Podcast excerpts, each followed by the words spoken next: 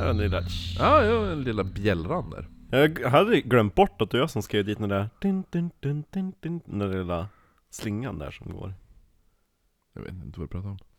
Men undrar du vad du lyssnar på denna fredag? Eller vilken dag det är för dig? Du Men kanske lyssnar tillbaka på din tisdag? Vad är det här för gossar som sitter och skrattar? Ja. jo, du lyssnar ju på Oknytt, en norrländsk humorpodd. Det är jag, Marcus Kosackmördaren Österström, sitter tillsammans med Kristoffer Lökkupolen Jonsson. Lökkupolen! Det låter som att kalla ett ollon typ. Precis! Vad kallar du din, din dase lök? Kom och lukta på lökkupolen. Mm, lökkupol. Och vi berättar om det mystiska, det märkliga och det makabra eh, över ett annat glas alkoholhaltig dryck. Mm. Och sant. det är sant, och den här gången så har vi lite blandat här. Vi har faktiskt fått en sponsringsgrej för eh, de som kanske inte går in på pay, vill vara med i Patreon eller något sånt där. Vill inte Eh, signa upp sig Vill inte eller? signa upp sig, men kanske ändå vill bidra med lite smått. De brukar ibland skicka in typ en swish och så, och så bara köp det här då.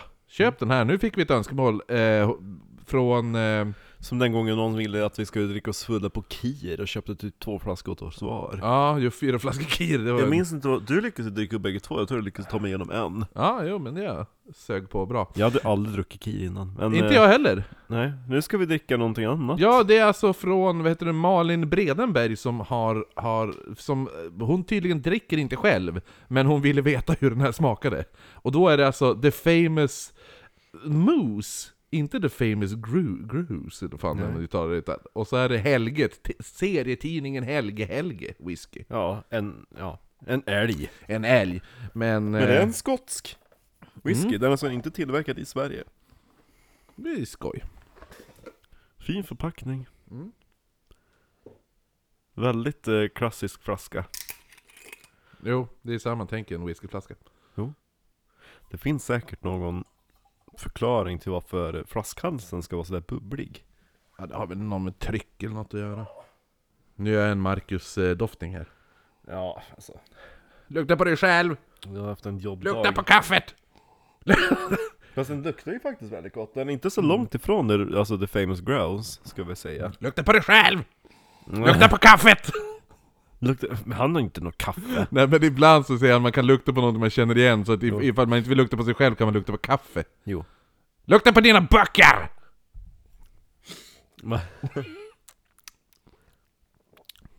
Mm. Den var ganska söt tycker jag. Ja. Den var inte rökig. Nej den var lite, den var... Har man druckit... Den, den, den här klassar in i de här typ... Ballantine och Jameson-gänget. Nej inte Jameson riktigt, Jameson har Men inte- Ballantine i ja, alla fall. jo. Ballantine Den tycker är, jag. man känner att den är skotsk. Mm. Mm. Ballantine och Famous. Jo men famous, väldigt lik Ja. famous. Ehm, man kan ju beställa efter egna så här, famous flaskor med egen text, då måste vi ha det famous oknytt. Ah, ja det tycker jag. För det finns ju, Lotta sa ju alltid famous Lotta. Mm, mm. Har du sett den? Jo. Då ska vara famous oknytt. Ja men absolut. Ja, famous yoghurt. The famous Jo, och så är det ju fågel på! Ja, ja, The famous cockfinder. Den kan, ja, ja! Famous tupp. Ja. Eller hur? Ja, men nej, den, var- den var trevlig. Men i, ifall, nu, ja, ifall man eh, vet hur Ballantine och det smakar så, oj vilken, eh, vilken rolig ap, ap, apparatur du har byggt Jo, där. med Din superapparatur. Jag har två glas på varandra, och det ser stadigt ut. Du såg så chockad ut själv när du upptäckte att det funkade. Du bara, nej men vad är det här? Eller hur? Man får välja vilket glas man vill dricka ur. Jo. Ta ett kort och lägg ut på Instagram. Ja, vänta då. Så kommer, då kommer du sitta här resten av kvällen. Titta på, på min uppfinning. Exakt. eh, men eh, som sagt, det här är- vi ska säga innan att det här är som sagt en humorpodd. Och eh, du kanske lockades hit av Åh men gud, nu ska de prata om det här makabra händelsen som jag är jätteintresserad av Och det här, det är ju jätteobehagligt och läskigt Ja, du kommer få allt sånt, och du kommer Mm. få mer information än någon annanstans Men det kommer också komma i en väldigt rolig förpackning Eller hur? Eh, som är den här tuff brud förpackning det här är en, en morbid podd i humorförpackning Ja! Ja, Ja. Eh, så att eh, tycker man inte att äm, sådana här ämnen och sånt eh, passar med, med skämt och humor så är inte det här podden för dig. Så att eh, då är det lika bra att stänga av och inte klaga. Bäst av allt, jag trodde inte att den här podden var för mig när vi började, för jag blev så offended när du avbröt ja, och vem är det nu som avbryter? Ja, eller hur? Nej men nu är det är... eh, It's an acquired taste, Mm. kanske man ska säga Eh, och, och, ehm, ja, och i det här avsnittet är ju väldigt lite speciellt, jag går in i det snart. Men eh, man kan stötta den här podden på olika sätt, man kan följa oss på Instagram, där ute är oknyttpodd. Eh, bara oknytt på Facebook, vill man mejla oss om vad som helst så är det oknyttpodd.gmail.com. Och eh, vill man stötta oss lite extra så finns vi på Patreon, där är det patreon.com forward slash oknytt, där man kan bli månadsgivare och även ta del av då våran exklusiva se- Patreon-serie Viktorianska mord som släpps varje måndag. Podden i podden Podden i podden ja! Eh, Jag vet vad jag ska kalla de här glasen nu Mhm. Lökkupolen Ja, jo. Det ser ju ut som en Ja, Penis. Kanske, jo, lite grann. smal i roten och grov Ja, till. jo. In, Väldigt udda Väldigt udda penis. Det eh, Vid den penetreringen så blir det lättare ju längre in det kommer ja, jo eller hur? Det, det blir som en hulling, svårt att få ut. Ja, exakt Den har fastnat!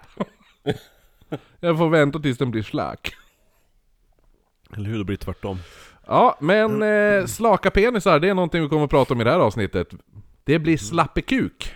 De gillar det Ja, det gör de väl inte, men det finns i, ändå. Eh, är det någonting annat vi ska prata om, in, vi brukar säga, innan vi går in på ämnet? Nej jag tror inte det, det är bara tut och kör Tuta- Det är bara Kanske tuta. berätta vem som har eh, Det var Ja, ja, jag ska ta det. Men eh, vi ska alltså prata om Andrei Chikatilo. Chiquitita. Eller The Red Ripper. Eller The Butcher of Rostov. Och även The Rostov Ripper. And the Demon Barber Ja, av, Rostov. av Rostov.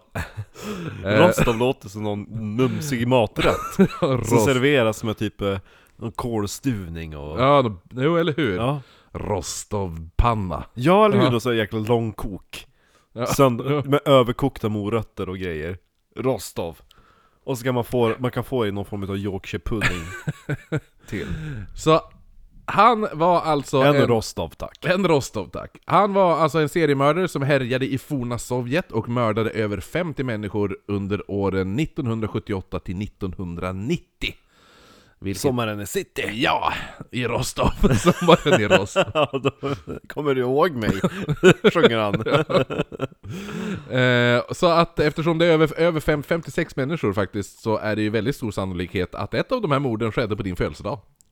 mm. Mm, så det är lite Jag kul. trodde du skulle säga att ett av de här morden, eller ett av de här offren, kanske lyssnar Eller hur? Är det någon släkting? Ja, så att, ja men eller hur, som den där, eh, som tysken som lyssnade, som var det så var- himla offended över Fritz Harman Jo, avsnittet. han var inte släkt med den, utan var ju bara hemstaden Han bara, nej det var inte ens hemstad, han bara 'Min mamma hon bodde i den här hemstaden' Ja, Och så man inte skämta Nej exakt, min mamma blir ledsen. Ehm, ja, nej men i alla fall så att, ja Är men din typ mormor släkt med offret? Nej En Men hon bor i stad en sjundedel av våra lyssnare kommer ju alltså i teorin vara född på något av datumen som någon av dem mördades på. Så kan det vara Ja. Eh, men ett av offren mördades faktiskt på min födelsedag. Fast ett år innan jag föddes. Det är creepy Mm. Eller, är det verkligen det? Nej Han mördade ändå så pass många. Det är en sjundedels chans att det sker. Eh, kan även tillägga att Andrei Chikatilo är den mördare som fick mig intresserad av seriemördare. Faktiskt. Mm. Eh, och allt detta tack vare min pappa. Han gav ju mig en bok som hette Massmördaren av Richard Laurie när jag var, Jesus när jag var 13 år. Ja, ja, ja. Eh, så läste jag den boken och efter det var jag fast. Tror att din pappa skulle vara gäst i den här podden? Och nu har... du har sagt det förut men... Mm. Ja, Jag ehm, tenderar att glömma bort det jag säger i den här podden Nej men så vi får väl tacka han, lille pappi. Pappi Stefan. Eh, och det här avsnittet är önskat av Jonas Ekmark. Och eh, informationen är huvudsakligen, huvudsakligen tagen från den här boken. The Red, Ripper. Han av- ser ju väldigt glad ut. Ja men han är ju otroligt glad. Varför är han glad? Det, ja, det där är även på in, det här är under bilden som är på den här boken, som vi Ja. lägger upp den här Ja. boken. Eh, den, eh, det är alltså från bilderna av rättegången. Han Det är därför, för man, ser, man vet att det är från rättegången för han har inget hår på huvudet, för han, rak, han snaggade sig innan rättegången. Okej. Mm. Han ser onekligen ond ut. Ja, de kommer beskriva, jag kommer ta upp i del två av det här, så kommer jag ta upp vad hans arbetskamrater tyckte han såg ut som när han log. Mm. Och då ska, får du jämföra och tycka. Han ser ut som Hinhåle. Hinhåle, hinhåle. Ja, nej men Jack Ripper. så att The Red Ripper av Peter eh, Conradi, jävligt, jävligt bra bok. eh, Typ. Så väldigt, alltså, det är djupdykning på hans liv, men det är även typ en väldigt målande bild om hur det var att leva i Sovjet från efterkrigstiden till 90-talet. Mm. Det är ganska, det är väldigt intressant på det sättet. Även samma författare som har skrivit The King's Speech. Mm. Eh, Vad har en Josef gjort dig? Eh, men i alla fall, det här, nu slänger jag in en liten eh, till så här. eh, vad säger man? Disclaimer. Disclaimer. Oj Att, då. jo. För att innan vi drar igång så är, alltså majoriteten av Andrei Chikatilos offer var barn. Bä. Ja, och mördaren, eller mördaren, och morden är otroligt råa. Nej, alltså på, på, på de här barnen. Vi kommer inte gå in Mm. igenom alla mord. Jag tänker inte sitta och läsa upp all, alla 56 morden. Men det kommer bli en del mord och det kommer bli en hel obe, obehagliga detaljer. För han, han mördar dem inte bara. Utan det finns en anledning varför han kallades för The Ripper. Om man säger så. Ja, ja. Så eh, det blir som, eh, som de, de brukar säga i Last Podcast on Left, a Gold Star Episode brukar de kalla när det är... Är, man, är man lite känslig ska man stänga av. Mhm. Så jag säger det nu, och eh, är ni kvar, skyll er själva om ni blir, tycker det är jobbigt. Det bästa, det så, känns så hemskt att vara på alltså, the losing end of that disclaimer, för jag kan liksom inte bara okej och gå härifrån. Nej exakt, du, du, ditt, ditt Super Gold Star Episode är ju del två av, eh, av eh, vad heter det nu?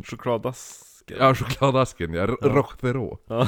Ja. Eh, men jag tänker innan vi kör igång och börjar hoppa in i hans liv. Så Om det har- finns typ såhär, oh designa din chokladask till alla hjärtans dag, då ska vi göra en, en Rochefero! ask. Massa choklad och skägg överallt. Ja, Ja. men jag tänkte innan vi, vi ska vi bara... Såhär cream, cream ägg, när man biter i dem så är det så Ja, ja, eller hur? Åh Ja. fy fan Nu tänker jag, nu, innan vi bör, hoppar in i hans liv här nu, så nu har vi ju faktiskt en flaska rysk vodka. Så nu tar vi... Smirnoff? Ja, nu tar vi en shot rysk vodka. Ja, gör det. Mm. Kanske kan balansera den som en tredje. Ja, eller hur? Sätter hår på bröstet tänker jag. Vad säger det- man då på ryska? Är det inte Nastrovja? Nostrovja. Ring upp Frida. Ja, men då, Frida! Hur säger man skål på ryska? Så börjar jag sitta och plugga. Säg det då! Vänta, ska jag, ska jag tvärgoogla det där? Jag, tror jag ska säga, jag, ska, jag, jag tvärringer Frida. Ja. Men Nu fan! kör vi! In i dimman! Ja. Fuck it! In i ryssdimman! Smoggen, skit! Ett, två, tre! Nostrovja! Fy fan! Nu jävlar! Den satt där den skulle. Vad händer med dig? Mm. Mm. Drick lite cider så ta bort smaken. Cider. Ah. Är det, inte, är det inte cider du dricker? Är det öl? Ja. Är det den där Battle Axe? Mm. Mm, var den bra? Jo. Josef Stalin. Herregud. Okej, Andrei Chikatilo föddes 16 oktober 1936 i staden... Ja, så ung. 1936? Ja, Ja. det är ju ungt. Är det verkligen det? Ja. Men jag sa ju, han mördade ju från... Han är yngre än alla mina mor och farföräldrar. Mm. Han är två år äldre än mina. Jag tror han är född samma år som min farfar. Ja men jag sa ju ändå att han var seriemördare som hans offer var från 78 till 1990. Jo men jag tänkte ändå att han var typ gammgubbe och... Ja, han var väl lite gammal 90. Ja, skitsamma! Eh, nej, 16 oktober 1936 i staden... Nu, det är ju så roligt nu, för som vi- du bara, är det Transsibiriska järnvägen vi ska spela in idag? Ja. Japp! Staden heter Here we go! Jabloshnoj. heter det. Nablush. Jabloshnoj. Vi Eh, måste se åt Frida och lyssna på det här avsnittet. I Sovjetunionens Ukraina. Alltså, Ja. ja. Eh, stadens namn byter... Det Eh, bästa av allt, alla som bor i Ukraina De bara åh Ukraina var den fina stad, Kiev Nej nej nej nej, nej, det här är Sovjets Ukraina! ja, jo. Ja men det var ju lite det. Det var ju, det var ju Sovjetunionen, var, det var väl ändå... Ukraina var ju fortfarande Ukraina. jo, alltså, jo. ja, jo det var väl typ som Det var ju stater inne i... Jo, i det och var det. Ukraina var en stat liksom. Ja, Som jag har fattat det, jag kan göra fel. ja jag är det jävla... var ungefär som, man skulle säga det var Sverigeunionens eh, Norge Mm, ah, okej, ja men Eller, precis. ja, ja Eh, För det, samma sak var det ju för Finland var en del utav Sovjet Ja, var det det? Ja, det var det kanske var. Det är det ryska imperiet kallas Ja. det då Jo, för det, de har ju, För det- andra, det de har ju andra länder också, såhär Uzbekistan och sådana där saker. När vi gav, eller gav bort när vi förlorade Finland så kallades det för Storhertigdömet Finland i Ryssland Ja, på, se där. Eh, Jablashnoj Ja, betyder äpple. Och har... Börja språkkunskaperna först och hade... eh, hade å, Vad heter penis på ryska? Kommer vi till det? det? Jag kan kanske komma i del två. Eh, det hade åren fram till, Det kan komma, är två åren fram till världskriget var det ett bra ställe för bönder, men den hårda svälten eh, drabbade bönderna sakta men säkert och förvandlade staden till ett ödsligt land fullt av lidande och misär. Och under andra världskriget så ockuperades staden även av nazisterna. Nazisterna Mitt i det här så föds alltså Andrei Chikatilo och hans... Låter inte som den mest idealiska uppväxten Nej, men det var ju så här också typ... Eh, det, det var ju som, det vart ju en svält i landet när det vart... Alltså, Det här är äpple ja men... Jabalishno.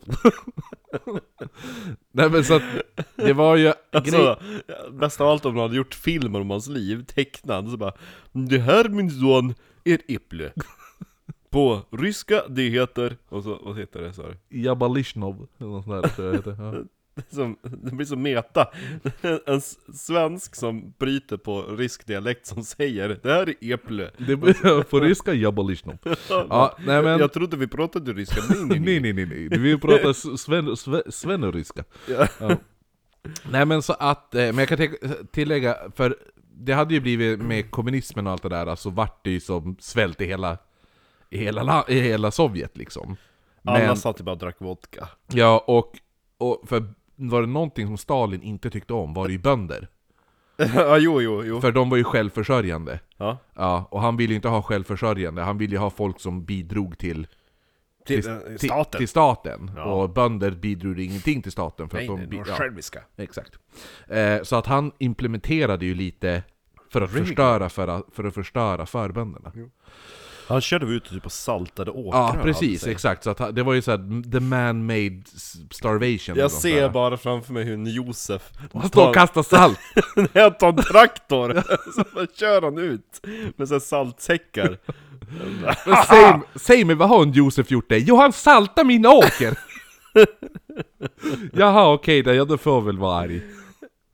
Nej men så att eh, han föds då i det här, hans vardag bestod av att bevittna all svält och allt... Salt-Stalin. All, ja, all, Kan alltså, du skicka Stalin? Nej jag menar saltet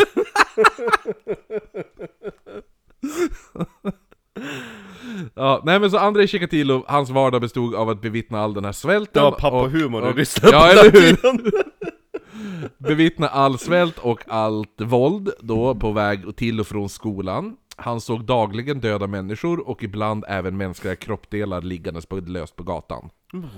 Eh, det var alltså explosioner och bränder och nazisterna eldade en dag upp deras lilla skjul som de bodde i. Har du sett mitt skjul? Var det den typen? Man hör Washburn i bakgrunden. Vad fan gör du med mitt skjul? De hade köpt det och satt upp det i, i Sovjet Eh, några år innan Chikatilo föddes hade hans kusin försvunnit efter att han skulle ut i skogen. Men hans mamma sa då till honom att förmodligen blev din kusin mördad och uppäten. Varför då? Och Andrei... Ja men det var ju någonting som heter den stora svält... Nej, det var innan ryska revolutionen Jo, men det här var förmodligen, för, hon sa det här nog förmodligen för att Andrei inte skulle vandra iväg för långt. Ja, Så hon skrämde upp honom, alltså han får höra det här när han är fem år gammal. Ja. Så säger hon bara så här.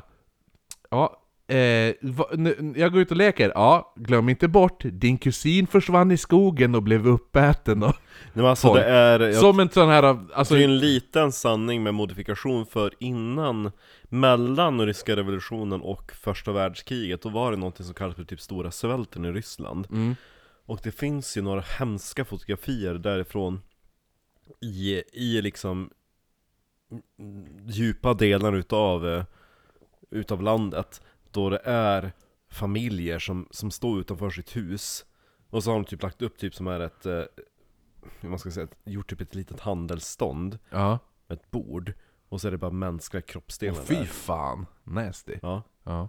och då är det ju typ deras egna barn Det finns Mm. någon som, det finns, hem- alltså det finns svartvita fotografier där någon som typ, typ hugger upp ett barn på en huggs, alltså Vad är du inne på för sidor och tittar? Wikipedia! Det var typ såhär, Wikipedia media has, uh, has uh, photos related to this article Ja. Och så Has typ- photos you might like. Den bästa är alltså, alltså Like this as a men screensaver? det som är så sjukt är att när det är svartvita foton, då godkänns det typ För att de är typ inte lika detaljrika Ja, jo, där. men det var ju det är lika så de gjorde för att censurera i bland annat typ Hongkong actions och japanska filmer. Japanska så här 70-tals, 70-80-talsfilmer är ju extremt blodiga.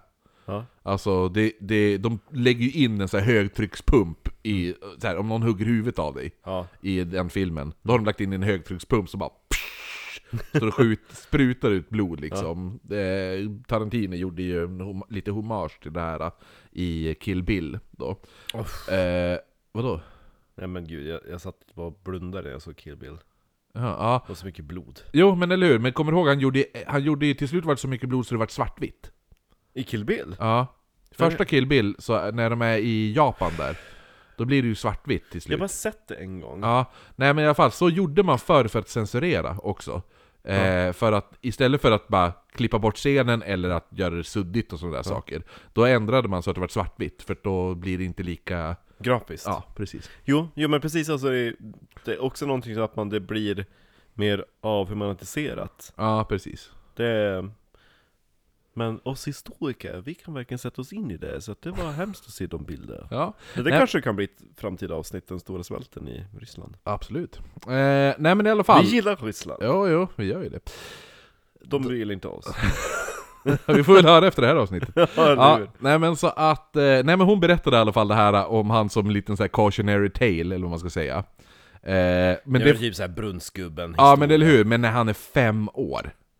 Ja, Ja, men det, är- alltså, det är ju sjukt. Sitter, mamma sitter bara Din, din kusin vart uppäten av grannarna i skogen.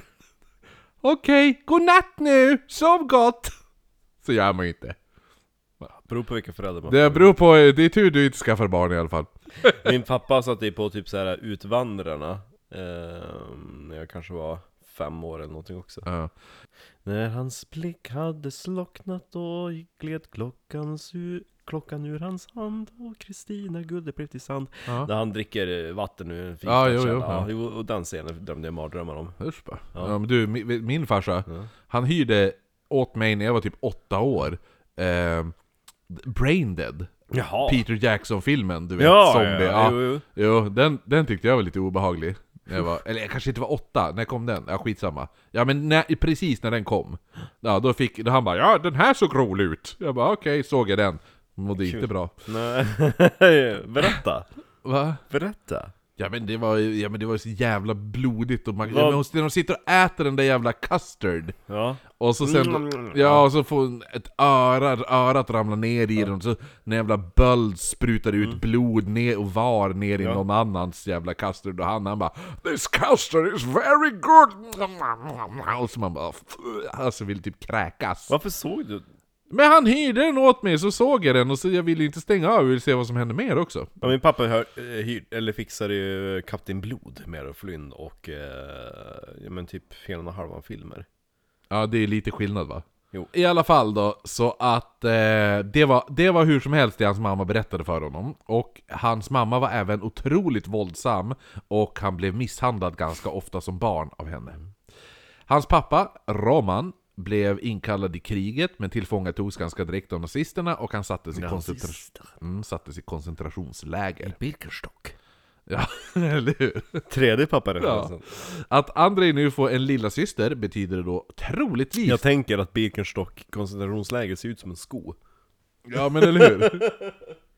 Andrei, han får nu en lilla syster. Det betyder då att hans mamma med stor sannolikhet blev våldtagen av nazisterna.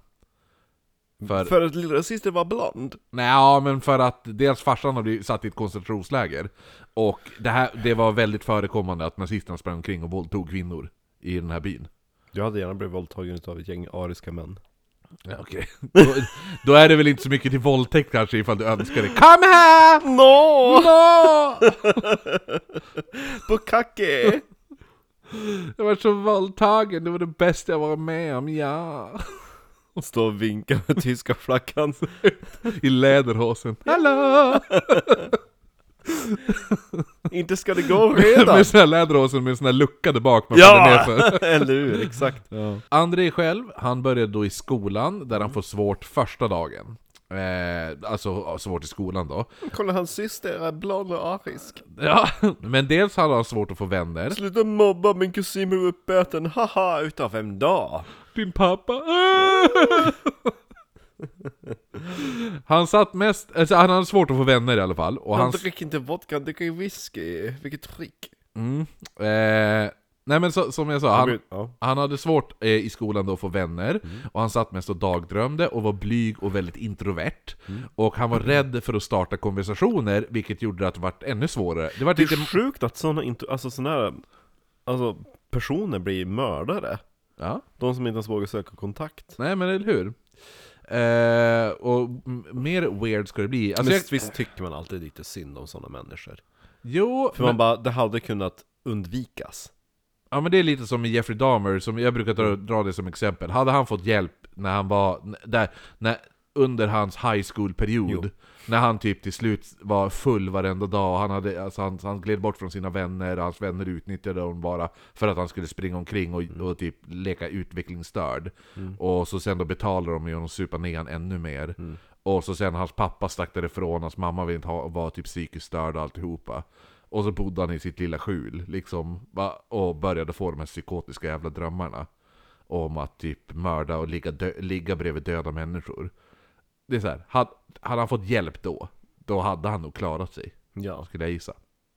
Men men, Vad vet vi?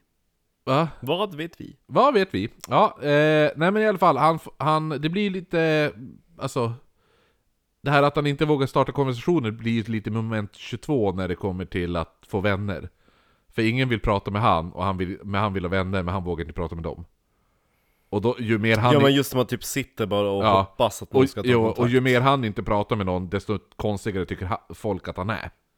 Därför vill man inte prata med honom Hon som kommer till att bli min, alltså typ bästa vän, vi var båda typ såhär oddbirds i högstadiet och jag kommer från vår lilla friskola.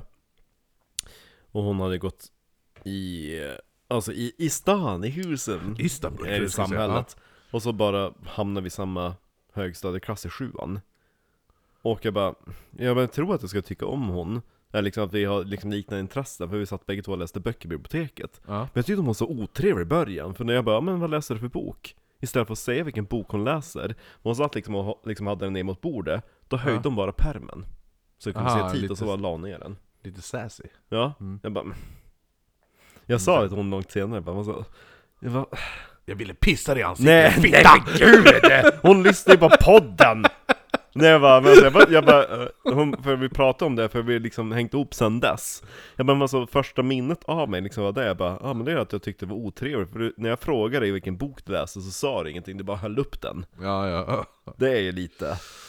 Ja, nej men Och samtidigt tyckte hon att jag var typ såhär Sjukt smörig, för jag var den enda eleven som sa hej då till lärarna i slutet av, utav eh, Jaha, jo lektionen. Teacher's pet. Ja, jo det var jag. Ja. Hermione, Ja, jo. That's me eh, Nej men hur som helst så, vad heter det nu, ehm, Andrei han tog ju det här att ingen ville prata med han. Mm. Efter, han pratade ju inte med någon, så, och alla så han satt ensam så folk tyckte han var lite konstig. Och ville inte prata med han, så då tog ju Andrei det här att jag, ja men han är utstött. Liksom. Mm. Ingen vill vara med mig. Men han var även extremt närsynt. Och han kunde inte läsa vad som stod på svarta tavlan. Han satt ju som en mullvad bara Jo, men han vägrade ju skaffa glasögon. Nej nej nej, jag ser perfekt! Ja, men det var lite det här också, hans morsa hade nog inte skaffat honom några glasögon ifall han hade bättre. det är något vitt. Nej, de var tillräckligt fattiga som det var, hon behövde inte lägga ut pengar på att gå till Synsam. Han, de, hon bara Kan du se det där trädet? Ja, bra! Här, bra. Du vet att du inte ska gå dit, för din kusin är uppäten vid det där trädet! Ser du din kusin? Nej, då så. Exakt. Ja, Ja, nej men så lät det i hans hem. han ville inte heller skaffa glasögon för att han var rädd att de andra barnen skulle kalla honom för Otskarik. Är det glasögon på Ja, ryska? brillor på, på ryska. Otskarik. Eh, och han kom inte att skaffa ett par glasögon förrän han var 30 år gammal. Men gud! Han hade även ett problem med att pinka. Men inte bara vanligt pinka, han pinkade i sängen under nätterna. Gud vad jobbigt. Alltså, Gud bed- vad hans mamma på den tiden inte Men- fanns någon tvättmaskin. Bara nu får du tvätta dina det sängkläder. blir värre, för det här var ett problem som kvarstod tills han var 12 år. Det var länge. Vilket hans mamma skällde ut och slog honom för varje gång det hände. Men som du sa, hon var nog rätt less. Mm. Men inte bara på att tvätta, för de delade nämligen säng. Åh. Då han bara, då sover du på golvet. Ja, och när han var 12 år för övrigt, Mm. var första gången i hela hans liv han åt bröd. Varför fick han inte äta bröd innan det? Nej men de hade inte bröd. Vi har inte haft Vi har inte haft bröd. Just är inte, det. ja. Du får äta kålrot. ja, men eller hur? men att pinka i sängen är ju ett av de här tre, jag tror det är det, de här tre eh, typiska, vad heter det nu, eh, seriemördartecknena. Mhm. Det finns ju tre så här klassiker, jag vet inte, men jag har för mig att Bedwetter är en, eh, Tortera djur är en, Men gud! och eh, Elda, alltså pyroman-elda, är Ja, tur att inte- tredje. Och så sen finns det en sån Hur, här hur många tickar du in på den listan? Allihop, nej. Eh, och så sen då finns det en fjärde som är lite typ eh, skallskada. Är ju en också. Okej. Alltså skallskada i tidig ålder. Ja. Och ja, det är allt ja, det funkar för sant på mig. Ja. Ja. Nej, jag har väldigt... Du har eh, en skallskada. Jag har ju det. Jag har två skallskador. Men gud! Ja. Ett element och vad var mer var det? En, en pinne. En pinne? Ja, men jag kastade upp en pinne i. Jag och så Christian Malmer stod och kastade upp en pinne i ett träd till en hög tall. Ja. Ja, och så försökte få pinnen att fastna. Och jag lyckades få den att fastna i typ 10 sekunder. Så vände jag mig om och jag bara ”Jajamän!” Och så då kom ju den här stora jävla pinnen, det var ingen lit, det var ingen sån här, sån här liten Det var en pinne, det var en gren. gren. Ja. Ja, då kom ju den ner, rakt här bara Boop! Je, rakt i gässan. Bara spruta blod. Gjorde det? Då var jag typ 11. eller något sånt. Och ditt vittne, vad sa han? Han måste ha fått panik. Nej, han så bara Och så skrattade han. För att det sprutar blod ur ditt... Ja, Jag fick pinnen i huvudet och så började jag skratta åt det. Ja. Så det var... Och jag kommer ihåg det så väl, för att då tog ju lärarna in mig och försökte stoppa blödningen. Och så var det en av lärarna som bara... det är så sjukt, egentligen. För de satt och försökte kamma ut, för blodet hade börjat torka. Försökte de kamma ut... Eh, Håret? Håret, koagulerade ner. blodet. Ja, och sådana där saker. Och sen en av lärarna bara... Du använder balsam va? VA? Ja. Jag bara, måste ju ha haft typ panik och, och så jag bara, bara, ja jo, ja jag märker det. Han måste ha varit bög, den där. Nej det var en tjej, det var en kvinna. Hon måste ha varit tjej. Hon måste ha varit tjej! Eller bög! Ja, nej men så att, eh, så var det i alla fall med han. Balsam. Använder du ba... Va? Vadå? Använder du balsam? Ja? Varför då? Vadå, varför ska jag inte använda balsam? Jag bara shampoo. Shampoo och, ba- och så sen tar man balsam. Varför då? Man ska ha det, det har min mamma sagt sedan jag var liten. Varför? Det får du prata med min mamma om! Men gud! Andrei Chikatilos pappa släpptes till slut ut från koncentrationsfängelset efter amerikanska armén tagit alla, eller tagit alla fångar, fritagit alla fångar kanske man säger. Men Andrei, han Ja. tyck... Va? Ja, Ja. Andrei, han tyckte att det hade varit bättre om hans pappa hade dött i koncentrationslägret. För då hade han dött som en hjälte. Man dör inte som en hjälte om man går runt där och typ Jo, fast, men nu är han potentiell förrädare. Som kanske alltså, låtits leva om han har berättat hemligheter. En vanlig soldat kan ju inga hemligheter. Nej, men det är lite så hur Sovjet såg ju på, på fri... Så här, det, här var, det här var typ attityden som, som Sovjet hade på fritagna fångar. Alla som fritogs var så här: varför lät de dig leva? Mm. Det måste finnas en anledning, tänker de. De, bara, de kanske bara trodde att jag var en nobody och sket i mig. Ja. Nej, nej, nej, nej. Ja men då hade de det... Du- ja. Du visste saker. Ja, men nej, då är det alltså, så här- jag, var, jag var en fotsoldat och de typ berättade mig gå dit. ja men varför, ja, men då är det så här, men, men varför, varför dödade de dig inte då? Om du, var så, om du var nobody? Då har de ingen användning för dig. Det är för de kunde, då, jag byggde slott åt dem. Nej, jag byggde vägar. Det blir det löktorn, Auto- vad fan, autobahn. vad var du Jag kallade byggde det? autobahn. Ja. Lökkupol heter det. Jo men det var lite den attityden som, som Sovjet Jo, hade. men Sovjet var ja. ja, jo. Jo, och, eh, och an, alltså Andrei, han var ju otroligt patriotisk till Sovjet. Eh, Han kommer vara det, Men det måste ju- alltså in, skolan var en institution från staten så att det är klart att han blev Jo. han blev Och han, han, han, han, kommer ju vara, han kommer ju vara uberkommunist och med kommunistiska partiet hela hans liv liksom. Han hade röstat på S. Eh, jag tror inte på vänstern. Jo det. Vill du veta hur vänster Umeå var? Ja men de heter väl kommun... Jo men det vet jag redan. Ja, men jag kan ta ett exempel. Ja, 75. ja. Eh, de gjorde ett, ett, nyss ett reportage om det på TV4 Västerbotten I och med the, the latest news on the On the papers Att när ABBA gjorde sin enda Umeå-konsert någonsin Jo. 75 efter, Ja men just det, ja efter precis. Waterloo Jo.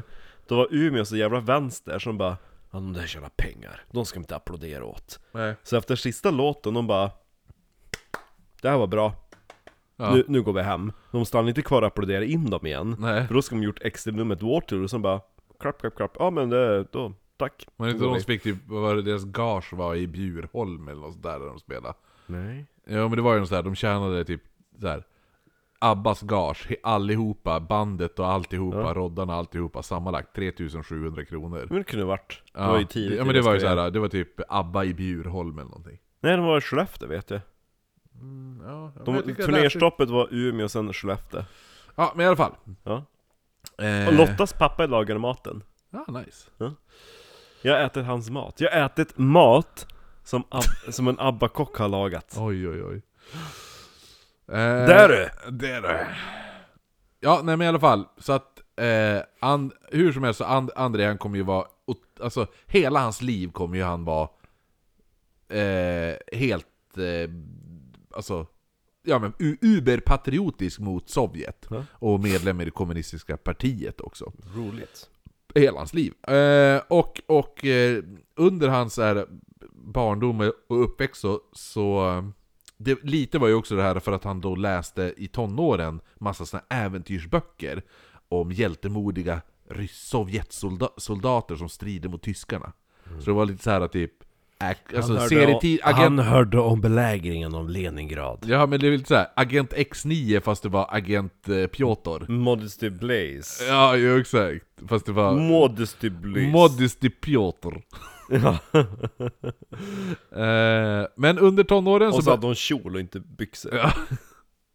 Under tonåren så började han bli mer retad. Först när han under... Är det möjligt? Jo, det var väldigt möjligt, för, för då i puberteten så fick han nu vad som man kanske idag skulle kalla för chipstuttar. Jag tror du ska säga att han var inte först med att få hår på snoppen. Nej, det kanske han inte heller var, men han fick... För man vill inte vara först, så man vill inte vara sist. Nej, eller hur? Man vill typ vara tredje. Ja, inte som han som gick i min klass som var åtta år. Det var jävligt tidigt. Mm. Nu ska... Han chipstuttar fick han. Precis. Men så... ingen elefantballe. Ingen, nej det fick han faktiskt, vi kommer till hans penis ganska snart. Eh, han får alltså, ja men som du sa, chipstuttar, säger man väl då. Och de, Innan det fanns chips. Ja, ja men vad ska man kalla det då? Jo, nej det är Ja. klart. Eh, man fick lite bu, bu, fläsk, fläsktuttis. Ja. Ja. Ja. Eh, och de andra barnen sa att då att, eh, ja men att han hade bröst. Och de började kalla honom för Baba. Mhm. Och Baba är då ett förnedrande ord eh, som man kallar, säger till tjejer. Mm. Och då menar de att du är en ful tjej typ. Mhm. Ja. Och en annan sak som han kommer bli retad för var när en, en annan elev hade sett Andrejs snopp. Jaha. Nej, och då hade han tyckt, han hade tittat på hans snopp och tyckte att han hade en konstig förhud. Och alla började reta honom för det.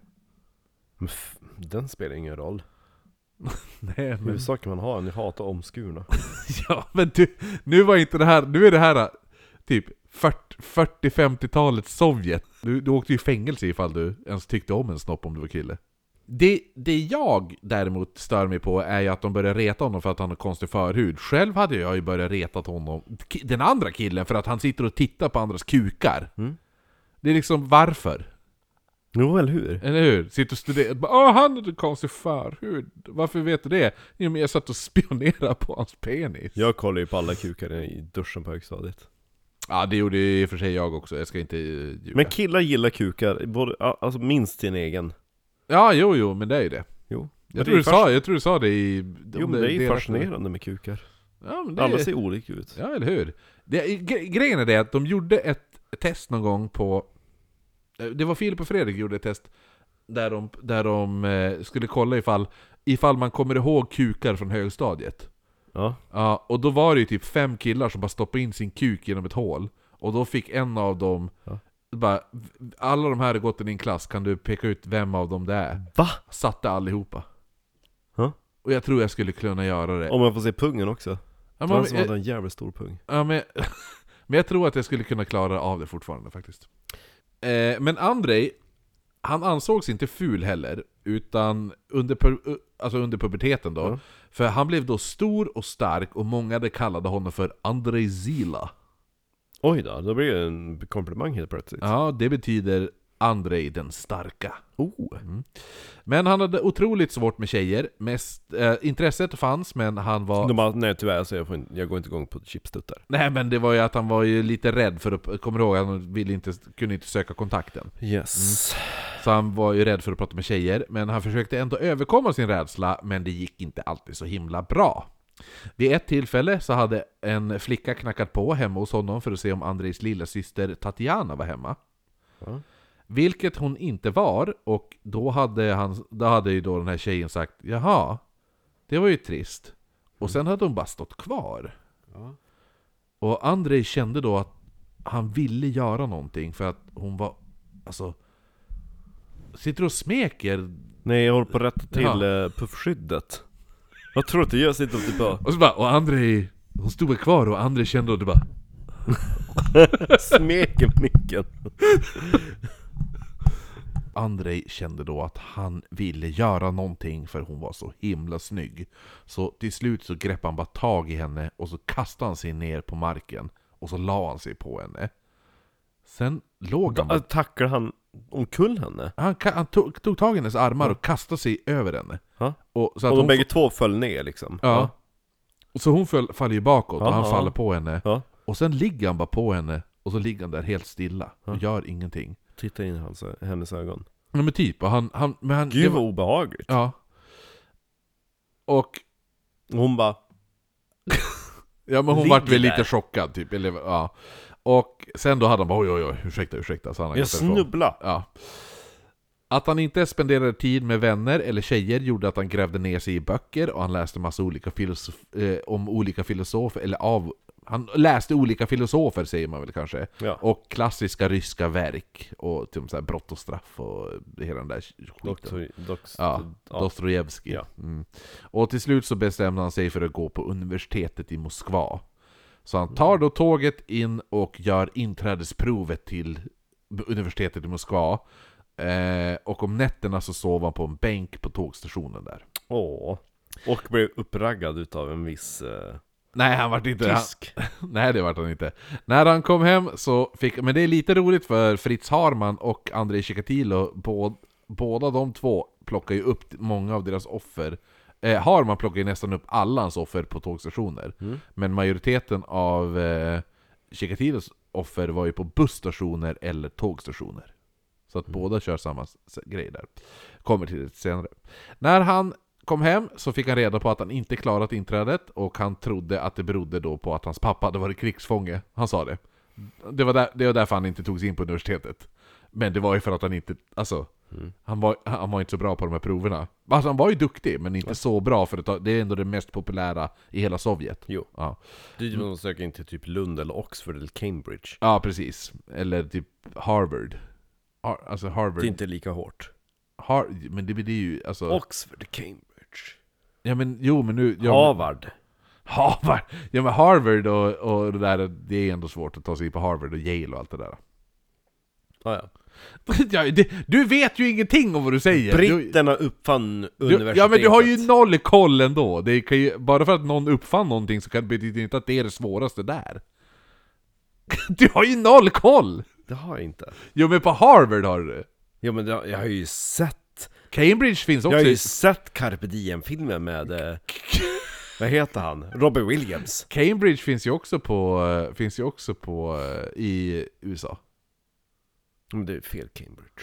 Ja, jo men jag säger bara, det finns ju också där. Och det är också ett Det finns svårt- ett Manchester där också som är ja, fel. Jo. Så finns, finns, finns, han trodde i alla fall att det berodde på att han, alltså, pappa var krigsfånge liksom. Men, men då istället för att söka sig till ett universitet som kanske inte var lika svårt att ta sig in på, som Karlshögskolan, så, så, så eh, då, då väljer han i all, en, alltså, istället att läsa en tvåårig teknisk utbildning. Mhm. Ja. Och han träffar även en tjej här, men det här varade bara i två månader då han var alldeles för blyg och de två gångerna de försökte ha sex så kunde Andrei inte få stånd. Pressa in någon slak kuk. Efter utbildningen var klar så fick han ett jobb på en fabrik i staden eh, som ligger längs Transsibiriska järnvägen och heter... Ni... alltså, vad fan heter det här? Nis... Nizini Tagil. Du måste omfamna din inre ryska babushka. Nizini Dagil. Ja, Det är tänk- bindestreck mellan det. Det stavas, det stavas N-I-Z-H-N-I. Nidzinje. Nizini Dagil. Duggil. Eh, hu- 100 Säger jag som att jag kan ryska. 100 130 kilometer öster om Moskva. Eh, där får han, nej 130 mil öster om Tänk bara, det finns inga katter. Ja, jo. Eh, men det är just när det står, det, det ser så konstigt ut. Eh, 130 mil öster om Moskva var det till och med. Eh, där var han omtyckt av chefer och medarbetare och han trivdes bra. Och eh, även om han inte var, alltså, hade varit beredd på att det ex- skulle bli en extrem kyla där. Eh, så för att han kom jämt till jobbet och hade han typ konstanta eh, frostskador hela tiden. De var tvungna att amputera både Men det ena och andra. Medarbetarna började se hur Andrei blev mer och mer nedstämd och deprimerad. Det här på grund av att eh, de gånger han försökte träffa tjejer så hade han aldrig kunnat få en erektion. Och de lokala tjejerna började håna honom för det här. Och Andrei, Andrei började pränta in att, att det är någonting som är fel på honom. Något Åh. fysiskt fel. Att han är inte som killar ska vara. Ja, Det är därför han inte kan få stånd. stackar. Han får ett litet uppsving när han fick fara på någon internationell festival där han typ blev vän med en österrikisk kille i samma ålder men ganska direkt efter den här festivalen så blev han inkallad till armén. Festival. Ja. Ja men det var någon sån här typ, typ kommunistfestival ja. eller något sånt där. Mm. Det var inte, det var inte, det var inte, vad heter det nu? Hultsfred eller, så, eller typ Iran. Sweden Rock eller något sånt där. Iran. Ja. Jag gillar det så svi, Sweden Rock. Iran. Ja, i Iran. Folk måste ha varit på Iran. Har du varit på Iran? Jag har, varit, jag har varit så himla många gånger på Iran. Aldrig varit på Iran. Ja, jag har recenserat jättemycket, jag har spelat brännboll också. På, Jag har bara spelat vinbrännboll på nollningen. ja, ja. Och blivit full som satan. Jo, nej men jag spelar i lag på, på brännbollsyran. Ja, nej men... Så han blir i alla fall, efter den här festivalen, blir han eh, inkallad i armén där han skulle spendera tre år av sin tid. Och inte eh, gick det bättre där att skaffa vänner. Men lite, om, man- lite hans eget fel kan man ändå säga, för han började nu bli lite paranoid och trodde att alla hånade honom bakom hans rygg och han hölls, blev då att han höll sig mer och mer åt, till sig själv. Liksom. Mm. Tjejerna, det gick inte heller så bra med. Andrei tro, eh, Andrejs tro att han inte kunde få stånd blev typ, alltså... Det blev lite av en så här självuppfyllande profetia. Då är det här, ja jo. Stressen att han måste få erektion gjorde att det vart så hög stress att han inte kunde få erektion. ungefär. Och det hjälpte heller inte att han blev hånad av tjejerna efter att en kille började sprida rykten om att han var homosexuell. Mm. Men en dag så händer det någonting. Han, Fick stånd? han, har varit, ja, han har varit på dejt med en tjej, Mm. och han har då lagt armen om henne. Men efter en stund så ville inte den här tjejen någon, någon mer. Så hon, försökte, Nå, sa hon. ja, hon försökte få bort armen. Nå, Och Andre, nå! Ja. Andrei, han, hon försökte få bort Ja, armen. ja. Och Andrei han ville ju prompt ha kvar ar- den här armen. Men det är mysigt. Ja, och de Ja. började, då- hon började då kämpa emot. Och han, Då fick han och han, han började hålla, hålla, hålla fast den liksom Mm. så här. Mm. Och han höll hårdare och hårdare och till slut, så, till slut släppte han taget. Mm. Och så gick hon argt därifrån. Mm. Men Andrei märkte då att han hade fått utlösning i sina byxor. Under tiden han hade hållit fast tjejen. Ja, det var en konstig trigger. Efter armén så åkte han hem en stund. Han var nu 24 år och han träffade en Han tjej. bara, fan vad hött med sagg. Ja. Det Han har jag aldrig fått. Han kan inte runka gubevars. Det gjorde man inte på den tiden. Då hade Nej, man det sex. var, det var väldigt eh, skamligt, skamligt syn på att onanera. Jo, Jag- jag men man hade sex, man runkade inte. Nej. Efter armén så åkte han hem en stund, han var nu 24 år, där han träffade en tjej som han då blir tillsammans med. Roligt. Det här håller då bara i två... Eh, nej, bara, det håller faktiskt i två år och under hela förhållandet får han aldrig erektion. Och efter det så gö- gör de då slut, så då frågar den här tjejen andra tjejer om Ja men har era killar haft det här problemet då? Att han inte kan få stånd? Eh, och efter hon börjar fråga runt så börjar de här tjejerna sprida vidare till deras killar. Ja. Och till slut så vet alla om det här. Att han är bög. Och Andrei, nej inte att, men att han inte kan få stånd. Ja. Och A- Andrei försöker då ta livet av sig. Men gud. Ja, ja. Mm. Han lyckas inte. Han Nej, väljer... Det förstår jag. Nej, han väljer då att starta på en ny kula och eh, alltså, En ny kula. ja, men han hade nu hyfsat, han har ju hyfsat bra erfarenhet och meriter. Så han valde då att ta sig till Rostov-regionen, där han får jobb som telefontekniker i en liten by som heter Rodonjova Nevetajevski. Okej. Eh, en bit utanför själva staden Rostov. Hans föräldrar kom senare också att flytta dit också. Eh, och Rostov är den plats där Andrei kommer att utföra de, den största delen av hans mord. Och ett ryskt uttryck var att om... Alltså det var ju väldigt hög kriminalitet här. Och ett ryskt, ryskt uttryck var att om Odessa var brottslighetens moder, så var Rostov fadern. Det var snyggt. Mm, Det, var, det var snyggt. ja, Ja. I snitt var det ett mord om dagen i den staden. Vi ska ha podd där. Ja. Då har vi haft ett avsnitt per ja, dag. Ja, Rostov, The Rostov True Crime Podcast. Ja. jo. Har du sett, nej du har, inte, du har inte Disney Plus va? Nej. Nej, för, för jag har börjat se den här, äh, den här med Martin Sheen och äh, den här, de här två äldre, två äldre männen som ska starta en True Crime Podcast när det Som sker du och... Eh, Kattis. Skrattis. Ja, vi, alltså, det, svi, jag, jag har sett de tre första avsnitten har ju släppts, jag tycker det var svinbra. Kul. Mm. Eh, Martin Shore heter ju den andra killen i alla Short. fall, och så är det Selena Gomez faktiskt som är med. Eh, men i alla fall, starten på jobbet gick ju inte som tänkt för Andrei, och han hade nu börjat onanera i kopiösa mängder. Som man gör. Mm. Han hade ett sexuellt driv, men han kunde inte få upp den, så han onanerade då istället. Men då fick han upp den. Ja, ja alltså han, han lyckades ju onanera. Men han kan inte, när det kommer till kritan när han ska ha sex, då går det inte. Då är det... Då är det Han kanske bara hade väl, alltså eftersom han själv inte var en 10-poängare Han kanske bara hade väldigt fula tjejer Ah, det, nej, det ska jag inte påstå. Har Eh, du sett tjejerna? va? Har du sett tjejerna? Nej, inte de man dejtade, men jag har ju sett, sett lite, ja men, andra tjejer som man... Offren! Vissa såg ju ändå... Offren! Offren! Vissa såg ju bra ut, kanske inte, då- alltså vissa var ju faktiskt eh, typ 22, 23 och sådana saker. Det är ingen Eh. garanti för att de ser bra ut Nej, men jag menar, jag, ja men tidigare sa jag att den största delen av hans offer var barn, då kan inte jag säga Åh, att nej. offren såg ju bra ut. Det var därför jag menar, vissa av offren var ju 22, 23. ja. Ja. ja, vissa såg ju bra Vissa var ju bra ut, det äldsta var ju 10 år. Gud, ja Det hade ju varit lite weird. det, Jag ville bara f- säkerställa att, att jag menade de äldre offren. Ja. Eh, nej men så att hur som helst så han onanerar ju nu hela tiden istället. Och en dag när han var på jobbet och de På den tiden var det typ att han drog en runk en gång i veckan. Nej det var, det, det, här, det här är, det här är Det här var snitt tre gånger om dagen. Ganska normalt. Nej, lite över medel Det är lite över medel skulle jag ändå påstå. Så en dag när han var på jobbet då och de var ute och arbetade i ett skogsbryn så skulle de då ta lunch och Andrei sa Så han satt så här hela tiden Ja, nej, men han sa jag ska bara gå och pinka. Och de bara ja, så gick han iväg.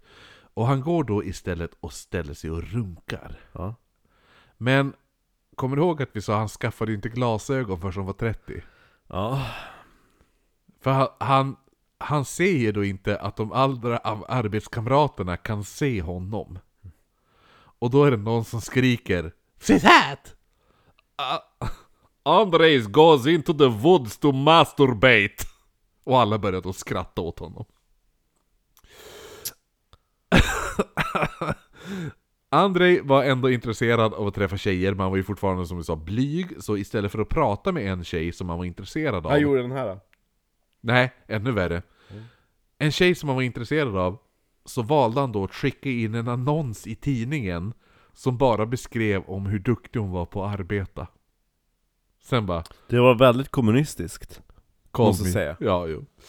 Jo, han, ja, men som jag sa, han är ju uberkommunist. Jo men det var ju, jag skulle säga det var en komplimang till hans karaktär Eh, hans syster däremot, hon var ju orolig då över an- att Andrei inte lyckas få någon tjej än, för Andrei var nu 27 Men gud år, vad gulligt av henne 27 år Fast samtidigt, man, man vill inte att en stora syrra ska börja engagera och lilla sig syra.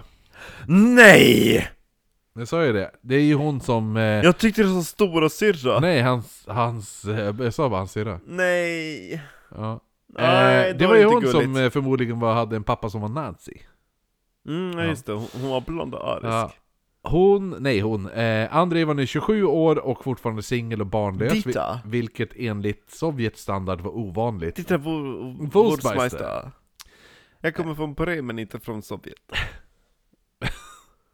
Ja, nej men så att det, enligt sov, sovjetisk sta- standard så var det här väldigt ovanligt att, att, att vara 27 år singel och barnlös. Mm. Men hon hade då träffat en tjej på hennes hårsalong som hette Fainja. Mm. Och tänkte då att hon, hon skulle vara perfekt för Andrei. Så hon anordnade då en liten blind date som kanske inte gick så superbra. Men de verkar ändå gilla varandra och de fortsatte träffas. Och till Då slut... måste man ändå säga det som en hyfsat blind date Ja, och till slut blir de då ett par och Fainja var otroligt överraskad över Andrei hur han nästan, han, dra, han drack aldrig alkohol Ja. och eh, att han ville vänta med sex till efter giftermålet sa han. Åh Ja men jo, du säger åh, men Ja men var hon, hon sa åh Ja hon sa ja, ja men det var ju för att äh, alltså, han visste ju att han inte skulle kunna ha sex. Men efter det så gifte de gifte sig så antog då Fan- Fanja att han förmodligen bara var nervös för första gången de skulle ha sex. Ja. Men hon insåg ju nog snabbt att det här var ett problem. Men hon envisades ändå att de skulle ha sex. Och de lyckas nu producera två barn. Åh! Ja, Jag blev glad för hans skull det här var tydligen... Det var kul! Ja, förmodligen var det här att det För det betyder att han kom i henne, inte liksom så Mm. utanpå Ja, men i princip, men det visar sig... Eller så Han la snoppen på henne Nej, så här var det. Och så hon bara Ja det var trevligt, och så gick hon och låg med grannen och så blev hon Nej, så här var det. Alltså, det var tydligen genom att han onanerade tills han precis skulle komma och då stoppade han in kuken. Mm. Eller, ibland kom han i handen och sen körde han handen in i fittan på henne. Det var detaljrikt Mm. Barnen, Nåväl, det var en, han fick ju barn i alla fall ja de hette Lyudmila, född 1967, och sonen Juri, född Vad ung hon är 1969. Mm. Fa- Fanja gjorde även abort en gång, vilket gjorde Andrei rasande, för han ville ha mer barn, för han älskade... Gud vad vi har kämpat Ja, men han älskade ju sina barn. Han var en... Ex, ex, alltså han lekte med dem hela tiden, han var en exemplarisk pappa Åh. till sina eh, barn när de var små. Mm. Eh, men inombords så började Andrei tänka mer och mer på den här händelsen med den här tjejen under hans armédagar. Nej, inte bu- han var, det var inte buss, men det var- armen. Ja, armen ja. Ja, ja. Jag har Men- för mig att de satt på en buss Nej men det var bara att jag nämnde att, att flera av hans offer skedde på busshållplatsen. Ja, ja. Och eh, han började mer fantisera om våldsamma händelser som han nu började onanera till. Men han berättade det här inte för någon om det här då. För han skämdes ju så otroligt mycket. För just det här att, att det var ju bara skamset att onanera. För synen på onani i Sovjet var ju, det var bara hemskt. Ja, nej men så han började då fantisera om våldsamma händelser som han nu onanerade till. Men han berättade... Busskrasch. Han berättade... Åh. Busk... Vad sa du? Busk... Bu- busskrasch. Va? Ja, nej. Våldsamma händelser. Ja men mer våldsamma, det här är typ som att hålla fast någon och sådana saker. Ja, hålla fast. Men han berättar ju inte det här för någon utan, eh, alltså, för han, han skämdes ju otroligt mycket om, för det här. Det var ju fortfarande jävligt skamligt att onanera i, alltså, i, i Sovjetunionen. Det ansågs ju, det var ju lite den här, du ska sova med händerna på täcket på. Andrei i alla fall hade alltid skämts över att han onanerade väldigt mycket och han var övertygad om att det var skadligt för hälsan. Också, för det var, no- och det var ju också lite den här... På den tiden, ja. På den tiden var det typ att folk sa att man ska inte onanera, det är skadligt för hälsan. Det var därför typ att, att eh, män fick ta sig älskare och ta sig fria fåglar. För att de hade ett begär som inte kvinnor hade. De, Ja, hade, de ja. hade en eld som behövde liksom tämjas. Så då var det ju liksom, ja men de, de måste få utlopp för det där, det är Som en skadligt. jävla puckad kompis till mig sa en gång, han bara Ja men alltså ifall killar inte onanerar på en vecka, Ja. då kommer de att döda någon. Gud. Alltså jag bara baserar den jävla informationen på? Nej, då kommer man inte komma i byxorna. Ja men nej men för att de måste komma och kom de inte, får de inte komma så kommer de att mörda. Förut när jag var yngre, då var det typ såhär, ja men när jag är på resande fot, då ska jag inte typ runka förrän jag kommer hem. Gick Ja. ju aldrig. Nej nej. Gick ju några dagar sen typ såhär, man såg typ en kille i mjukisbyxor så kom man. Ja, ja, ja, ja, Unterpante! Ja. Ja. Andrei, han var fast besluten på att bli någon, alltså han ska inte jobba på en jävla telefonoperatörsgrej där han står och runkar i skogen. Ja. Han var be- fast besluten på att bli någonting, och han skrev då en avhandling på universitetet, och han belönades med betyg i rysk filologi. Oh. Alltså filologi är väl typ så här äh, språkaktig. Filkand. Ja, nej, alltså fi filologi Okej. är ju en, det är inte filosofi utan Nej. filologi. Det är väl någon så här språkaktig grej. Eh, han fick även eh, betyg i språk, eh, och vilket gjorde att han nu kunde jobba som lärare. Någonting som han också fick, och familjen flyttade nu till Novoshatnatjitsk. Shit. Något sånt där. Novoshatkinsk. Shit. Novoshatkinsk Mm. hette det. En stad på 200 000 invånare där alla nästan var typ gruvarbetare. Chatninsk betyder gruva. Så de har det i namnet. Och staden bredvid heter typ Chatkids. Staden bredvid hette bara gruva. Eh, men Andrei visade sig vara helt värdelös som lärare. Alla ungdomar körde över honom. Och eh, för han var ju så otroligt blyg och hade noll pund, pondus i klassen. Så alla sprang omkring, väsnades och rökte i klassrummet. Jaha. Ja. Men hans kåthet upphörde inte, utan han eh, kände att han var väldigt attraherad av alla unga flickor här. Och han började gärna gnida sitt kön mot dem när han skulle hjälpa dem i klassrummet. Stod du på torrjuckar? Ja, men lite så här, han kom upp bak, snett bakifrån och typ började gni, trycka sin kuk mot deras arm och sådana där Men saker. gud. Han De kände ju det lätt. Ja, ja, det gjorde de. Mm. Han brukade också övervaka studentrummen där de sov och flickorna kunde se honom stå vid dörr, dörröppningen Mm. när han skulle säga godnatt. Men samtidigt som han då uppenbarligen stod och runkade med ena handen i fickan. Mm. En dag så går det en aning överstyr när de är ute på klassresa och de var ute då och badade och Andrei simmade över till en 15-årig kvinnlig student och han greppade tag i henne Mm. och direkt han, äh, han, får, han skulle som först bara komma fram och typ hälsa eller Mm. sådär. Men då när han kände sin hand på henne så blev han så han var tvungen att ta mer. ja. han var, och han kände att han var tvungen att ta på hela hennes kropp. Ja. Så han nu tafsa och, och stoppa in handen mellan hennes ben och ta Mm. på hennes bröst. Och hon började skrika och Andrei blev superhård. Ja. Kuken var, nu jävlar har han stånd liksom. Ja. Ja. Men han blir inte bestraffad för det här. Nej. Och inte heller för det som hände senare, samma månad, när han var 14-åriga Anja Nikolavjeva. St- Hon bad henne stanna kvar efter lektionen för att stå till svars för hennes dåliga beteende i klassrummet. Och han tryckte då ner henne över bänken och han började nu slå henne över alltså, baksidan av låren och rumpan och sådana där saker. Med, med en sån här, du vet, sån här gammal linjal. Ja. Och kombinationen av hennes skrik och att hon var så hjälplös att ta sig därifrån gjorde att Andrei kom i byxorna. Mm. Så... Och ingenting hände. Skolan sa ingenting. Hon sprang hem, Det berätt, var ju rättigheterna på den tiden. berättade allting för sina föräldrar. Jag kommer till lite varför Ja. inte skolan sa något sånt där.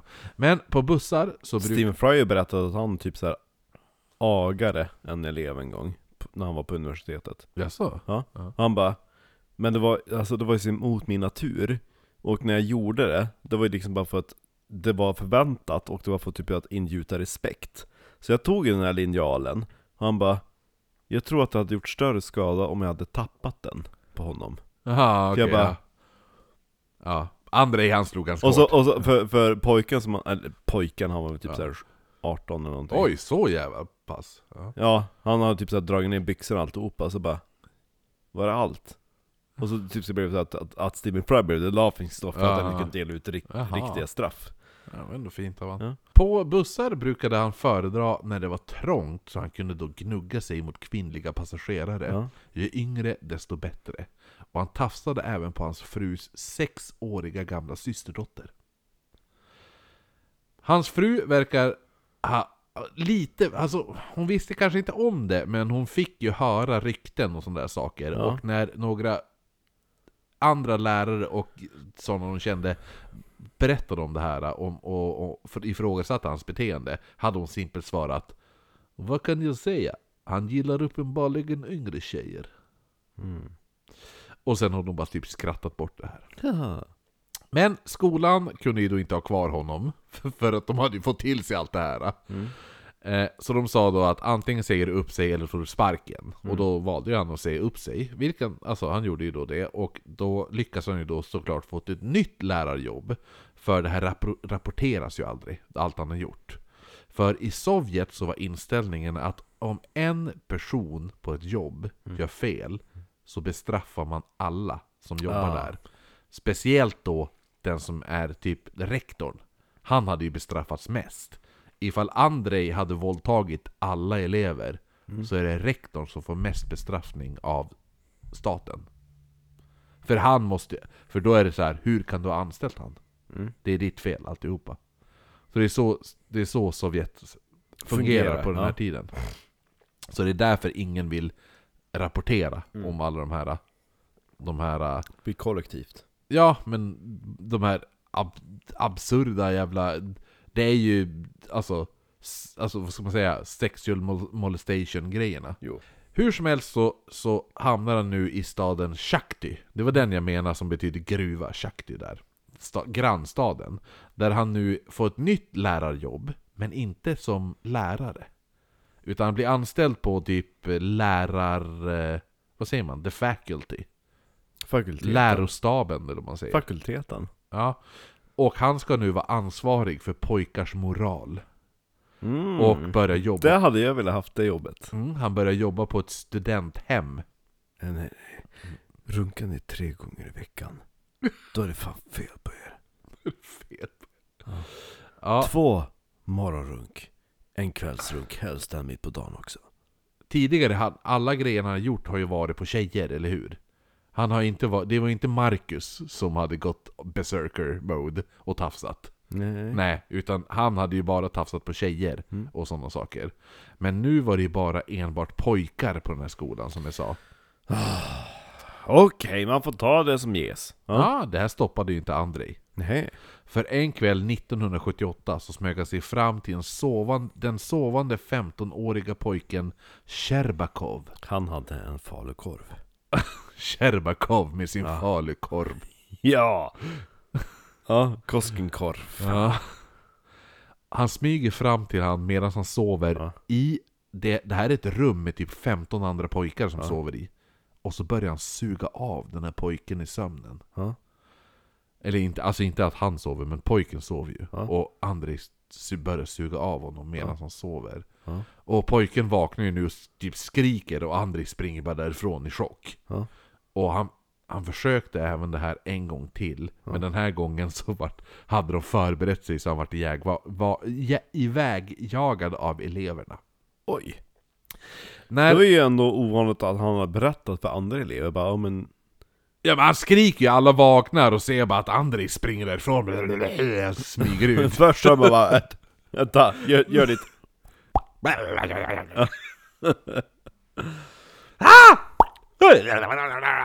Men då ligger ju också den där pojken med, med praktstånd. Ja, kanske det, jag vet inte. Så Hade, att- hade du, ja, hade du ska inte jag fråga. Det vet man ju inte när man ligger och sover. Då kan ju vara vem som helst i drömmen som såg Jo graven. men det, det, är- han har, det, det är jävligt skumt över, överlag det där. I alla fall, när Andrei och hans familj hade flyttat till Shakti så hade Andrei även... Chutney. Shakti! Ja. Så hade, så hade Andrei även köpt ett litet skjul på en ödslig gata. Oh no!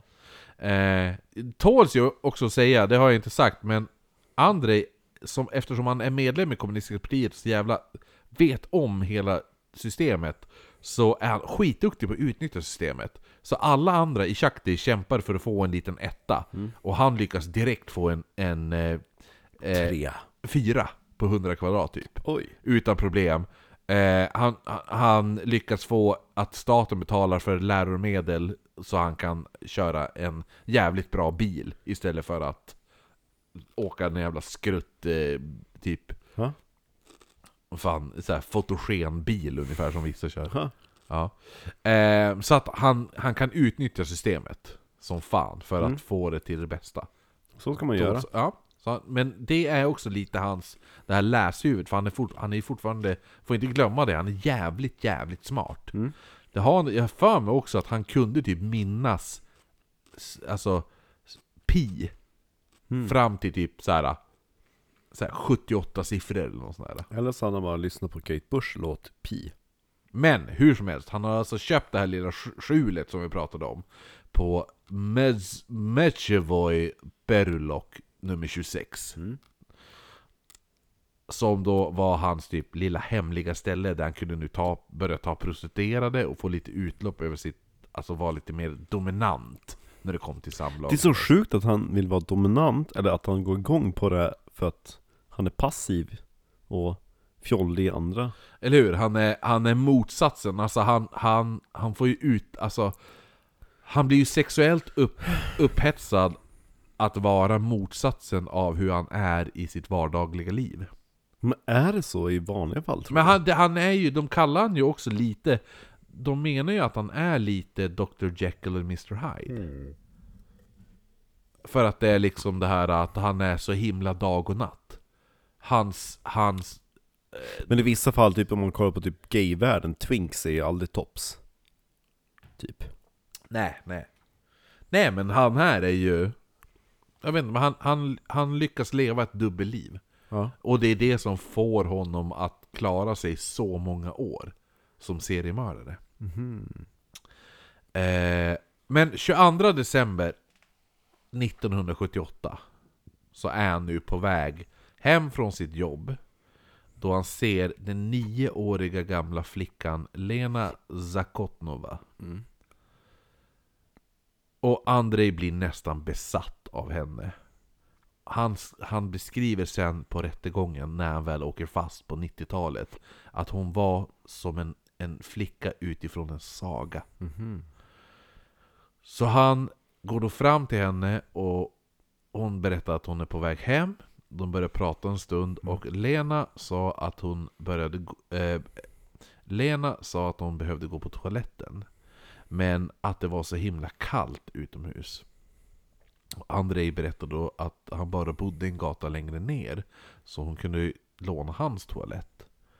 Och hon sa ja tack vad snällt. Och hon började då följa med den här mannen som för henne säkert var bara en vänlig gammal man. Mm.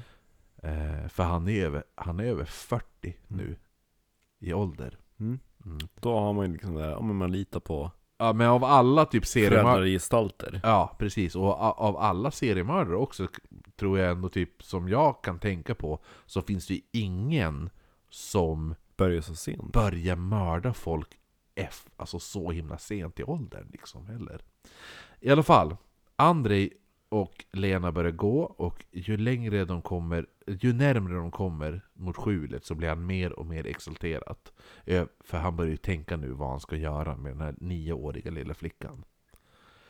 När de då kommer fram så öppnar han dörren Ja. och hon kliver in. Och när de kliver in så förändras Andrei från den här vänliga lilla mannen Ja. till ett typ vilddjur. Och han kastar sig över Lena och börjar slita av hennes kläder. Och hon börjar nu skrika och kämpa emot men det här var helt lönlöst. Och Andrei höll då för hennes mun och han slet av hennes trosor och han börjar nu försöka trycka in sitt kön in i hennes.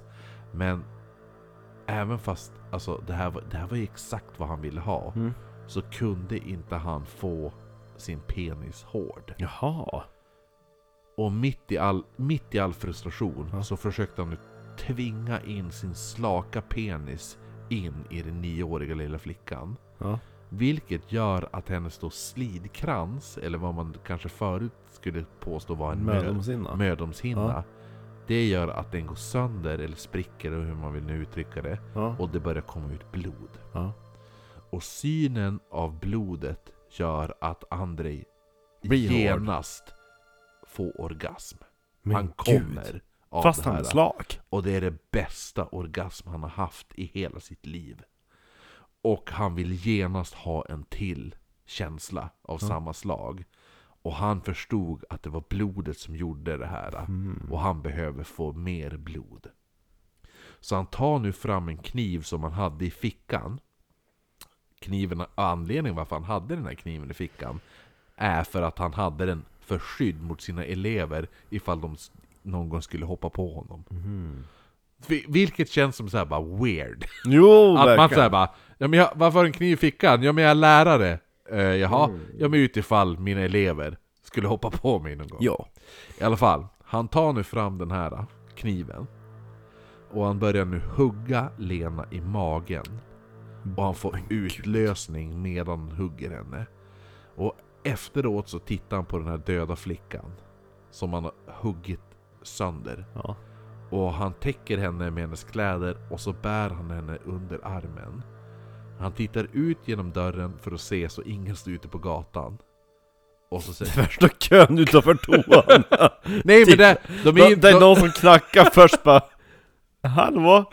nej men de är inte på toan, de är inne i hans skjul på det här huset, Men skjulet det han var ju hyr. på toa. Jo men hon vill ju gå på toa. Men Jo, han men, sa ju men kom men om, man, om man leker med tanken att det var en toa Och så är det kö Exakt, utanför jag bara, oj ursäkta, jag hade ätit, jag åt broccoli tidigare idag, oj oj oj. Tänd en tändsticka när du går in är du snäll.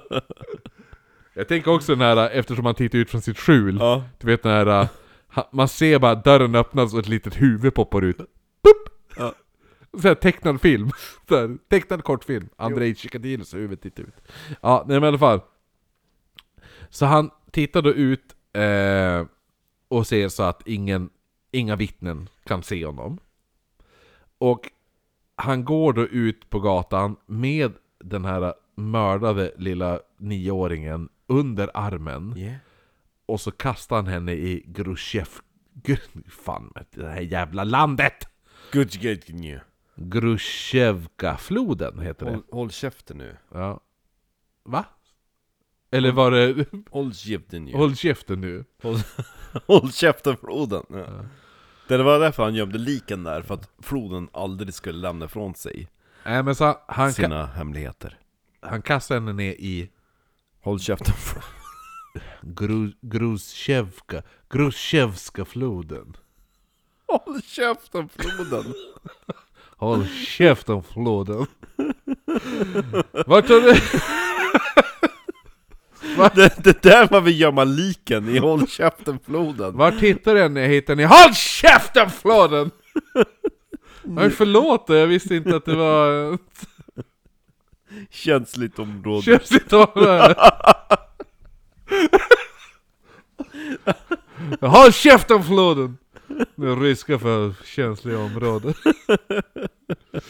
ja, Ja, i alla fall, efter han hade dumpat hennes lik Så skyndade han Andrei hem då till sin riktiga lägenhet Den här fina fyran på 100 kvadrat Ja. Där han, eh, hans eh, fru och barn satt och väntade Kroppen hittades två dagar senare Och det här är alltså, kommer du ihåg vilket, vilket datum hon försvann?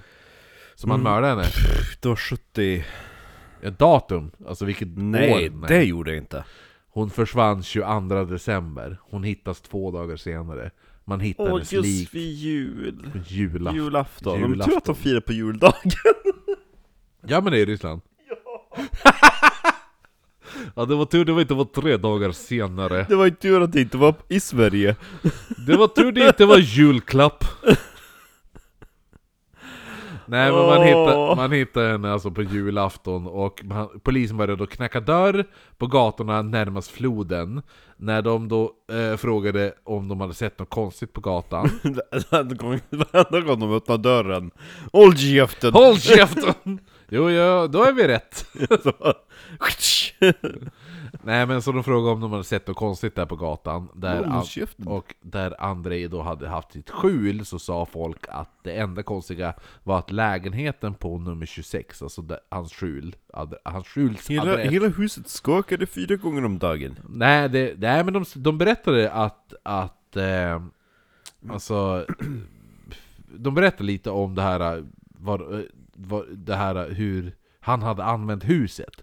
Men, men de, de här dagarna, efter den senaste dagarna, då var det ett dygn så hade han haft lamporna på hela natten. Vilket han aldrig hade haft tidigare.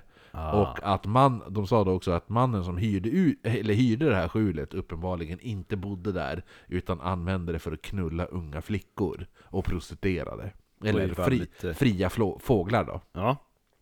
Så polisen förhörde nu Andrei Men han sa att han var nej men jag var hemma hela den dagen Vilket enligt hans fru stämde För Snart! F, nej, men f- hans... Han åkte ju hem efter han hade dumpat liket. Ja. Och han hann hem innan hans fru hade hunnit komma hem. Och så när hon kom hem genom dörren sitter ju han där och sa jag har, sutt, jag har varit hemma hela dagen. Men gud vad du är sen! Ja, eller hur? Vart har du varit? Jag har suttit här i soffan hela dagen! Kolla på den här skjortan jag har Det är som att man tror att de har mördat någon! Jag har suttit här! Är det någon som ska undersökas så är det min fru! Eller hur?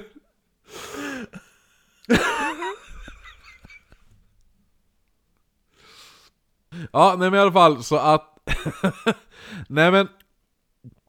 Hans, hans fru sa ju, hon sa ju det att nej men det stämde ju att han har ju varit hemma hela dagen, han var ju hemma när jag kom hem från Ja! jobbet. Ja. Han hade gjort middag! Och Andrej, han kommer ändå bli förhörd nio gånger Men i slutändan så åkte en annan kille fast för mordet Sjukt! Alltså ordentligt! Ja, 25-åriga Alexander Kravachenko Som några år tidigare döms för ett, ett eh, liknande mord och, Eller inte på en nioåring, men alltså typ en ung tjej, hon kanske var 17 då Ja. mm. Han bodde på samma gata som Andrei Där Andrei hade då sitt skjul Ja. Så bodde han på samma gata några, några flyt nummer längre Andrei. ner Ja, de arresterade honom när han höll på att försöka bryta sig in i en bil. Och han dömdes mot sitt nekande för det här mordet. Och polisen hittade även en bloddroppe precis utanför Andrejs skjul. Och, och en kvinna vittnade om att en medelålders man hade gått iväg med den här flickan. Alltså inte en 25-årig hill- ah, 25-åring, men 25-åriga, eh, vad vad han hette nu igen, Alexander Krovachenko. Han dömdes i alla fall, och eh, först till fängelse, men sen ändrade de domen och han avrättades sex år senare. Men stackar. Andrejs skoljobb kom inte att hålla i sig i längden och han fick lov att se upp sig och han byter efter det helt riktning och han börjar jobba på vad som kallas för supply clerk. Supply! Supplies! Eh, supply clerk innebar att man åker runt mellan olika fabriker och hämtar och beställer olika delar åt andra fabriker. För i Sovjet var det på den här tiden att gör man, gör man, alltså allting som byggs, alla saker har en egen fabrik. Ja. Så att du gör ju så här. äh, i, du gör bildörren i, tänk dig om vi, om vi omvandlar det till Sverige. Ja. Du gör bildörren i, Skellefteå. ja, i Skellefteå. Och så sen gör du muttrarna som ska göras, det gör du i s- s- så här, Västerås. Bo, ja, Västerås. Och så gör du skruvarna i Borlänge. Ja. Och så gör du karossen, ja den gör du i... typ- Umeå. Ja, exakt. Och så sen, så Andrejs... Och så sammanfogar man det i Sundsvall. Ja men eller hur? Men då behövdes det ju någon som, typ så här en person som kunde åka mellan fabrikerna och säga att du, nu behöver de mer skruvar här. Och nu behöver de mer dörrar här. Ja. Och nu behöver de mer karosser där. Och det var Andrejs jobb. Och det här var ju perfekt för han, eller hur? För nu var ju han då fri att åka runt i hela Sovjet utan att någon ifrågasatte honom. För det var ju bara... Han kan ju göra likadant på en flicka i Sundsvall eller i Eller hur? Borlänge eller i Västerås. Ja, det, han, det, för han bryr sig inte vart han gör morden liksom. Ingen märker det. Nej. Men det skulle ändå dröja nu till 3 september 1981 innan hans andra mord skulle ske. Det här var på Larissa Tkachenko. Ja, det stavas TK i början. Tkach- Tkachenko. Tkache- Tkachenko. Hon var 17 år, bes beskrevs som en liten rebellisk tjej som brukade då skolka från skolan. Hon var 17 år, 17 år i Staden. Ja.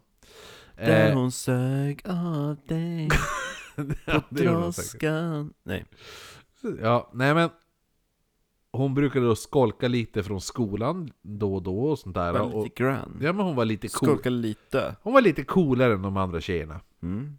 Hon stod den här kvällen och väntade då på bussen hem till studentbostaden efter att skolan låtit alla åka hem några dagar och hämta lite varmare kläder för hösten nalkades ju.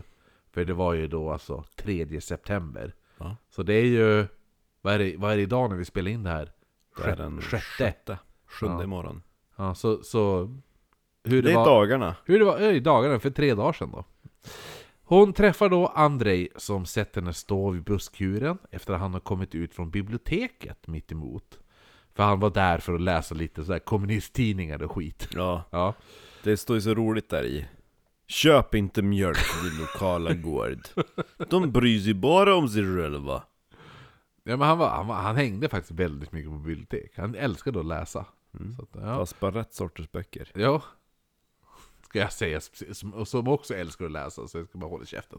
Eh, nej men så han erbjuder henne att följa med på en promenad för lite... Vill du ta en promis? för lite vodka och relaxing har man översatt det. Den raggningsrepliken Ja, för relaxing, eller ja, man ska kalla det då, det var då dåtidens, i, i Sovjet, det var dåtidens Netflix and chill.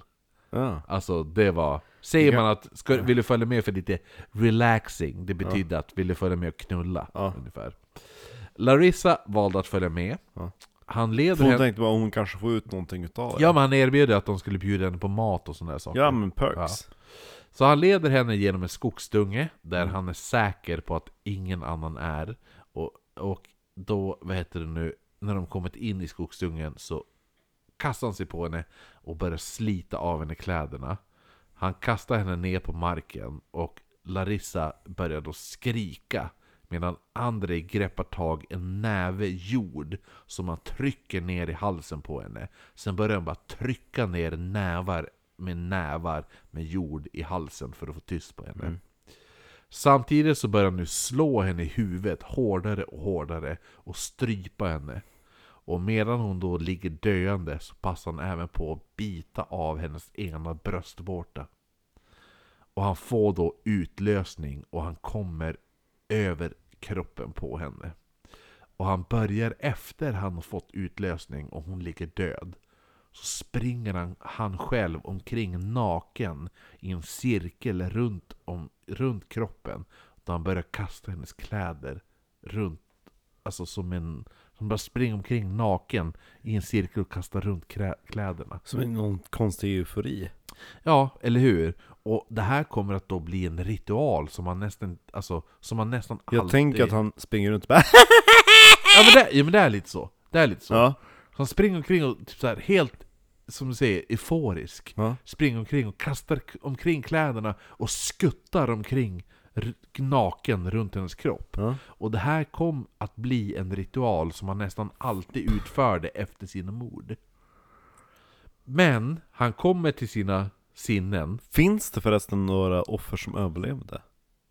det finns inga offer som överlevde. Det finns ett, eller ett offer som nästan varit mördad. Ja. Men eh, i del två kommer vi prata lite mer om varför det inte finns så många överlevande. Mhm. För han var väldigt duktig på att välja offer. Jaha. I alla fall, han kommer till sina sinnen och liksom Men, shit, oj då, det var inte så kul. oj, nej. Så han plockar ihop hennes kläder, han samlar ihop kläderna Det från här all... ska man inte skämta om.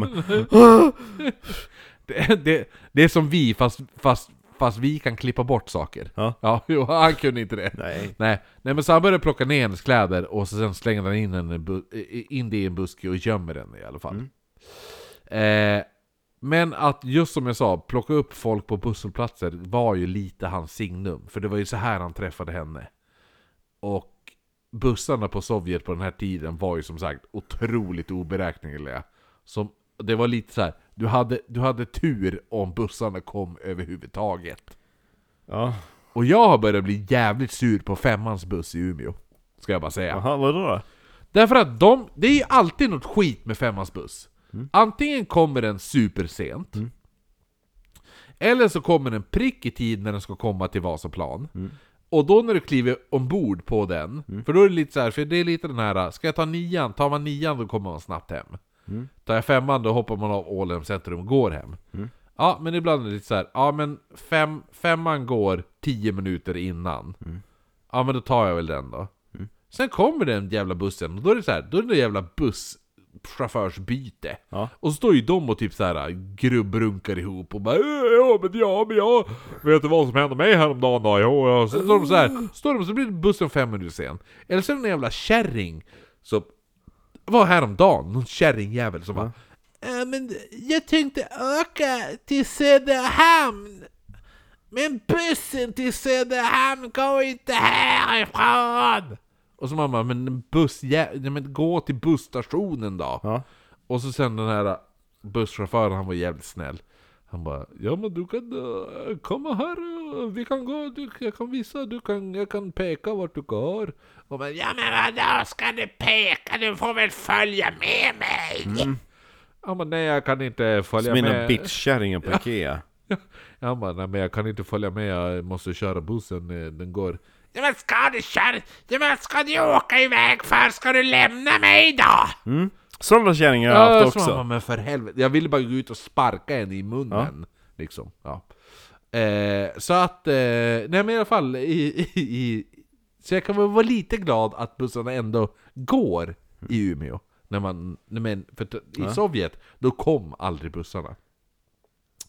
Eh, så man, man hade lite, man hade tur om de kom överhuvudtaget. Men i alla fall, efter hans lilla ritual där så lugnar han då ner sig och han samlar ihop kläderna och försöker då gömma Larissa under lite grenar och ett buskage. Hon hittades dagen efter faktiskt. Nio månader senare, 12 juni 1982, så stöter Andrei på sitt tredje offer. Det här är nu 13-åriga Lyobov Björk som hade blivit vägskickad av sin mamma för att köpa lite grönsaker. Var det en han eller hon? Hon. Ja. För du, du nämnde att det var massa Ja, det, snopp det, och kommer pojkar. snart, det kommer snart. Ja. Hon, det, jag tror det, kommer, det blir mest i nästa avsnitt. Ja. Hon... Ja, då stänger vi av. ja. Hon väntade på bussen hem, sen valde hon till slut att gå, för det kom ju som sagt ingen buss i det här jävla landet. Hon var kritisk mot eh, ja, Sovjet. Det var därför hon dog. Eh, Vad Josef gjort dig? Ja, nej men samma sak var det då för Andrei, för Andrei hade befunnit sig vid en busshållplats, men bussen kom aldrig där heller. Så han hade också Men börjat han gå. kom. Ja, han kommer komma. Nej men så att han, han började då också promenera och när hans väg korsas med Lyobov Och han tyckte att hon var likadan som hans första offer, hon var otroligt vacker. De slår då följe och pratar ett tag under deras promenad, men när de har kommit till en avskild, avskild liten dunge så kastar han sig nu över henne. Och den här gången hade han nu även en kniv med sig. Nå. Så han börjar nu hugga henne samtidigt som han försöker våldta henne. Men som vanligt är hans penis slak. Ja. Hon, hon hittades två veckor senare och man fann att hon hade blivit huggen över hela kroppen med 22 hugg. Och att mördaren även skurit henne i ögonen med kniven. Ew, men alltså hon levde? Mm. Man tror det. Tror Först, man. först började man säga att man hoppades att det var djur som hade, Mhm. hade ätit och sådana saker. Men de kommande offren visade Hade sig samma skador. samma skador. Mm. Efter det här skulle det inte dröja länge i, Det är därför jag inte vill ha linser om jag blir synskadad. Jag skulle Ja. aldrig liksom kunna ploppa in någonting Nej nej, ja, du tänkte så? Ja. Samma sak, bara, ah, vi ska bara ta bort lite gråsk där. Jag bara, "Men då får du låta gråstarret vara kvar. ja eller? Eller typ söva ner mig så att jag inte är medveten om det. Mm. De bara, ah, men du kommer inte känna någonting. Jag bara, nej men, mitt, men då får du betala för att jag kommer gå i terapi i tio år. Ja, eller hur? Ja, men det är väl lite så, samma sak som folk känner hos tandläkare. Ja, jo, typ jag. Ja men jag också, jag är extremt tandläkarrädd. Mm. Jag är så jävla tandläkarrädd. Eller när farfar skulle byta höft. Mhm. Och han bara, ja det lät som de hade en slön såg. Så? Ja, han var, han var ju med, medveten, de hade ju liksom bara gett han lokalbedömning. Ja. Jag bara, nej, om ni ska hålla på med sådana saker, ljudet och alltihop, att man känner att det är någon som bara, man känner att det är någon som håller på att göra ja. någonting. Därför Ja, är det, nej. jobbigt, det är därför det är jobbigt att, att göra något i hjärnan, för då måste du vara vaken. Men nej. Efter det här så skulle det inte dröja länge mellan perioderna mellan morden. Och innan det här året var slut så kom Andrei att ha dödat sex personer till. Det här var då 14-åriga Lyoba Voljobjavjavja. Mm, jo, ja. Det här, nu, det här, hon he, det här, jag kan inte ens uttala det för det är hennes jävla efternamn, det är det dummaste jag har varit med om. Lyoba heter hon i förnamn Ja. och Vol, Volubujeva. Hon mördades 25 juli. Oleg Posh, Poshidajev. Det här var då en nioårig pojke som mördades 13 Första pojken han Ja, tog. som mördades 13 augusti. Efter den han hade sugit av. Va? Det är det första pojken han ger sig på efter, Ja, han, jo men eller hur, exakt. efter suga av offret i sovsalen. Ja, och hans kropp har man fortfarande än idag aldrig hittat. Va? Hur vet man om att han dog då? Men det här är, han är försvunnen och Andrei Erkände eh, inte. erkä- Andrei erkände morden, det här mordet och namngav honom Ja. Innan han ens, alltså man ens hade kopplat fallen ihop. Men är Andrei död då så han kan inte berätta om det? Och Andrei är död Oj. idag. Men det här är en, en, en av dem, för han, han är, han, 56 mord, Ja. men 53 vart han dömd till. Mm. Och det här, han, den här pojken, är en av de tre han inte varit dömd för, för de kunde inte riktigt bevisa det. För att de De, hittade aldrig behöv, kroppen. de behövde en kropp Nej. ja. Mm. Eh, tre dagar senare så mördar Andrei 16-åriga Olga Kuprina. Och 15 september mördas 15-åriga Sergej Kuzmin. Och årets sista En till mord... pojk. Ja, det var en till pojke. Eh, eller tonåring, vad ska man säga? Jag vill säga 15 år. Eh, Twink. Twinken. Årets sista mord var 11 december 1982 då Andrei mördade Olja S- Det här låter som ett tuggummi. Stalmachenok. Det var Stimorol. Bäst av all- allt som heter olja. Ja, ja men det är O-L-I-A. Ja, olja. Ja, olja. Olja Stal Stalmanen... Jag tänker att de Stalman- aldrig tvättar håret. Olma, Olja Stalmachenok. Det här är alltså en tioårig flicka Mm. Som man nu lurar ut till ett majsfält. Där han högg henne i huvudet först. Och sen i kroppen, Man, hon, han ja, menar du? han gjorde det här. Han högg henne i huvudet först, och sen i kroppen. Och Har de huggen... majs i Ryssland? Ja, men det, ja, varför skulle de inte ha majs i Ryssland? Därför att majs inte växer i Ryssland. Ja, men nu naturligt. gör det det. Cornfield. Hugg, huggen Ja. Vart 53 hugg Uh. på den här tioåriga kroppen. Han slet ut hennes inälvor och hennes livmoder. Mm. Och han lämnade henne där för att hittas i det här majsfältet. Men då var hon död. Det värsta av allt var att Folk bara, men det här är ju ingen majsfält i Ryssland! Det värsta av allt var att ett vittne hade sett att Andrei, alltså Andrei gå iväg med den här flickan. Mm. Och hon sa att jag känner igen honom men jag vet inte varför jag känner igen honom. Ha? Men när han till slut, åtta år senare, kom att bli arresterad och hans bild publicerades i tidningen så kom hon på varför hon kände igen honom. Ja. Han hade varit, Andrei hade nämligen varit lärare åt hennes son. Creepy! Mm. Oj. Medan man letade efter olja så dök det även upp brev hos polisen. För- Som sig bör. Mm. Olja var det första av Andris offer som hade haft relativt väl- då som hade haft sex. Nej men det var det första av hans offer som hade haft föräldrar som brydde sig. Ja. Ja.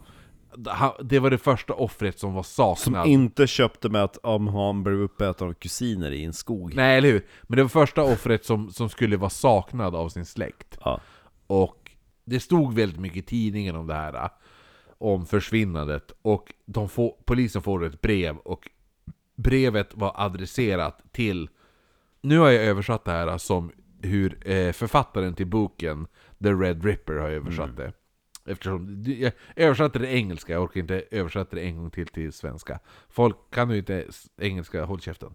Eh, så det var... Eh, det, Ja. det var adresserat till Parents of Missing Child. Och texten i brevet löd Greetings parents. Don't get upset. She is not the first and not the last. Before New Year we need another ten. If you want to find her, then search among the leaves on the Vadorvojski Posodski. Som var någon skog eller något där. Sen var det signerat Sadist, the Black Cat. och det här brevet visade vara sig, som vi pratade om i Jack Ripper och allt det där. Det är bara alltså, det är bara bullshit. Det är bara någon snubbe som tycker om att skriva brev och jävlas. Liksom. Och likadant som den här snubben i Yorkshire Ripper. Han som gick omkring med ciderpåsen. Mm. Kommer du ihåg han? Han som också, som bara Den här dialekten den ska gå på Ja, men för det var han skickade in band. Han Ja. skickade in en Jo precis, det här är dialekten, det här är dialekten Ja. Ehm, så, så det var människor som skrev in, och, eller skrev in till polisen och tog på sig mordet och sånt där. Men Andrei sen, när han väl arresterades, så kom han ta på, han tar ju på sig allt, men det här brevet, han bara nej, det var inte jag som skrev det där. Det var inte jag All, alla kropparna som hittades hade utsatts för flertal knivhugg. Ja Eh, De flesta, det var i snitt över 30 hugg per Nej. kropp. Och polisen såg Jag gjorde 20 ja, och polisen såg att mördaren inte högg för att döda, utan huggen var för att plåga sina offer. Offrens bukar hade slitits upp och mördaren hade även skurit av sina offers könsorgan. Troligtvis medan offren levde. det var, Då är frågan, var det bara tjejer eller pojkar? Det här är båda. Då är det värst om pojkar Säger det du? är, det är svårt att skära av ett könsorgan som är platt. Fast du kan ju ändå skära av Alltså typ blygläppar och grejer. Ja men det är inte, det är inte själva organ. Nej men han kommer ändå skära ut. Biter. Han kommer skära ut Det är eh, lättare att skära av någonting som sticker ut. Fast han kommer sprätta upp buken och ta ut livmodern. Ja, men det är livmoder. Mm, Så det räknas ju ändå lite som L- Bara lite Ja, se- sex, sex, alltså könsorgan då, då är de död mm, Nej, Ja. var de det? Ja Kan ju du, När, när, när, du det, kan ju hoppas på det. när det är flickor är de död. Okej då. Ja. Om, du säger, om du hoppas på det. Ja. Bukarna hade alltså slitits upp, mördaren hade då skurit ut, alltså Andrei hade sk- skurit av och ut könsorganen på sin offer, troligtvis medan de levde. När Andrei blev frågad om varför, så sa han att han gillade känslan att tugga på könsorganen. Han sa att det var som att tugga på tuggummi. För det här var väldigt viktigt sen när Andrei kom att åka fast. För när han väl kom att erkänna så sa han att han aldrig svalde några könsorgan eller någonting. Han gillade bara känslan av tuggan, tugga. För folk började kalla honom för kannibal. Ja. Och han sa nej nej nej, jag är ingen kannibal. Jag svalde aldrig någonting. Jag tuggade bara på det. Ja. Och kan även tillägga då att hans favorit att favoritdel att tugga på var livmodern på kvinnliga offer. Och när det kom till pojkar så visade det sig sen att han bet av testiklarna. Och han bet av alltså testiklarna och pungsäcken Nej. medan de levde. Nej. Jo, det gjorde han. Nej. Och en sak som, Inte bita av pungen.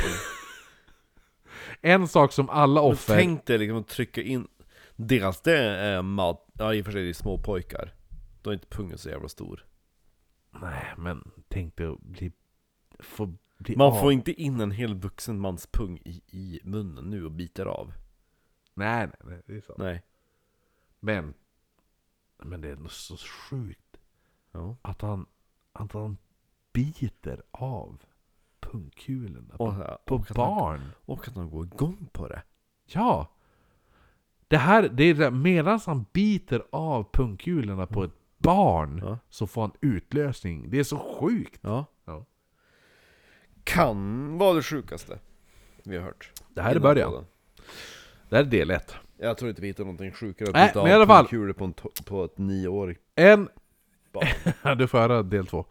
En sak som alla offer eh, hade gemensamt var hugg eller skärsår runt eller i ögonen.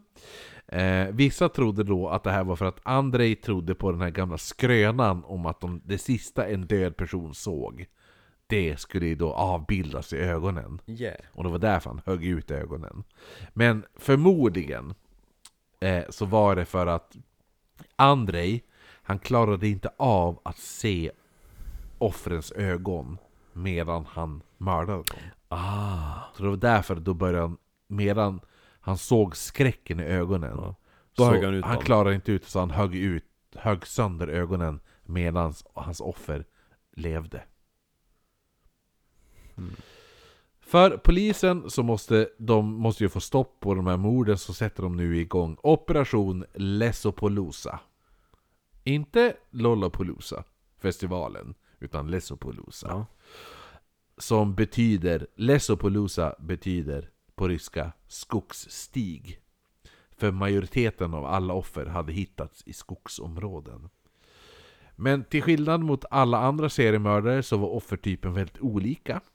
För, alltså, det här är grejen med Andrei Chikatilo är att hans offer är, om- du tar, om du tar Dennis, inte Dennis Rader, det var ett dåligt exempel, men ta eh, Yorkshire Ripper.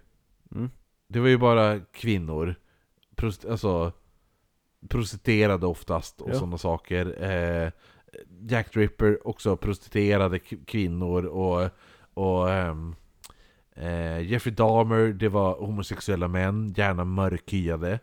Och eh, vad heter det? Eh, John Wayne Gacy, unga pojkar, unga män och sådana saker. Mm. Eh, Andrei Chikatilo, han blandar. Mm. Det är inte ofta det blandas mellan sina offer. Att det är unga tjejer, unga, unga pojkar, tonårskillar, tonårstjejer, 22-åriga tjejer. Alltså, det blandas inte så ofta. Det här, det, det, Andrei Chikatilo är en mördare som är väldigt... Det är en på miljonen liksom. Mm. Det, det, mördare gör inte på samma sätt som han gör. Även fast eh, seriemördare inte riktigt fanns på den här tiden. Mm. Eller det fanns ju seriemördare, men det var inte riktigt myntat i uttrycket. Jack the Ripper. Ja, det var ju en seriemördare. Liksom, Den alltså, ja, ja. Ja. Men du förstår vad jag menar? Jo, så det är ju väldigt... Eh, det var väldigt svårt att liksom pinpointa han just för att det var så himla... Och vilka offer tillhör Ma- eh, Andrei Chikatilo och vilka tillhör inte Andrei Chikatilo? Så det var väldigt svårt att pinpointa honom och sådana där saker. Chikatilo, tell me what's wrong. Han försökte, alltså... alltså grejen med Andrei Chikatilos offer, han, var, han sket ju i var, om det var en ung tjej eller ung pojke, eller, eller så, eller tonårstjej eller to- tonårspojke. Han ville ju bara få sina offer att skrika av smärta. Ja. Han är liksom så här. det finns ju två... Se blod. Ja, men det finns två olika sorters mördare, seriemördare. Eller, två, eller det finns fler, men de två basic är ju eh, vad som kallas för process killer och product killer. Så the product killer är ju någon som vill mörda och få döda personen så fort som möjligt. Ja. För att kunna njuta av efterbörden, eller vad man säger. Ifall, ifall du älskar att, att ha sova, använda avhuggna huvuden som huvudkudde. Mm. Då är du en product killer. För då vill ju du döda personen så fort som möjligt. Så att du får tag i din hu- nya huvudkudde. Mm. Eller hur? Men process killer, det är ju de som älskar själva processen. Mm. De njuter ju av själva, själva mordet, själva mördandet. Det är det de älskar. Det är, de älskar processen. Men product killer är ju, vill ju mörda snabbt och få det bort så fort som möjligt så de får kunna njuta av produkten av mordet. Så det är lite om det, och Andrei Chikatilo är ju då som sagt en process killer. Han njuter av själva mördandet. Han njuter av att höra sina offer skrika. Han njuter av att se Mm. dem lida. Det är det han går igång på. Och det är därför han får... Ja, det är därför det kommer så mycket sperma i hans byxor. Liksom. Så, avslutningsvis då.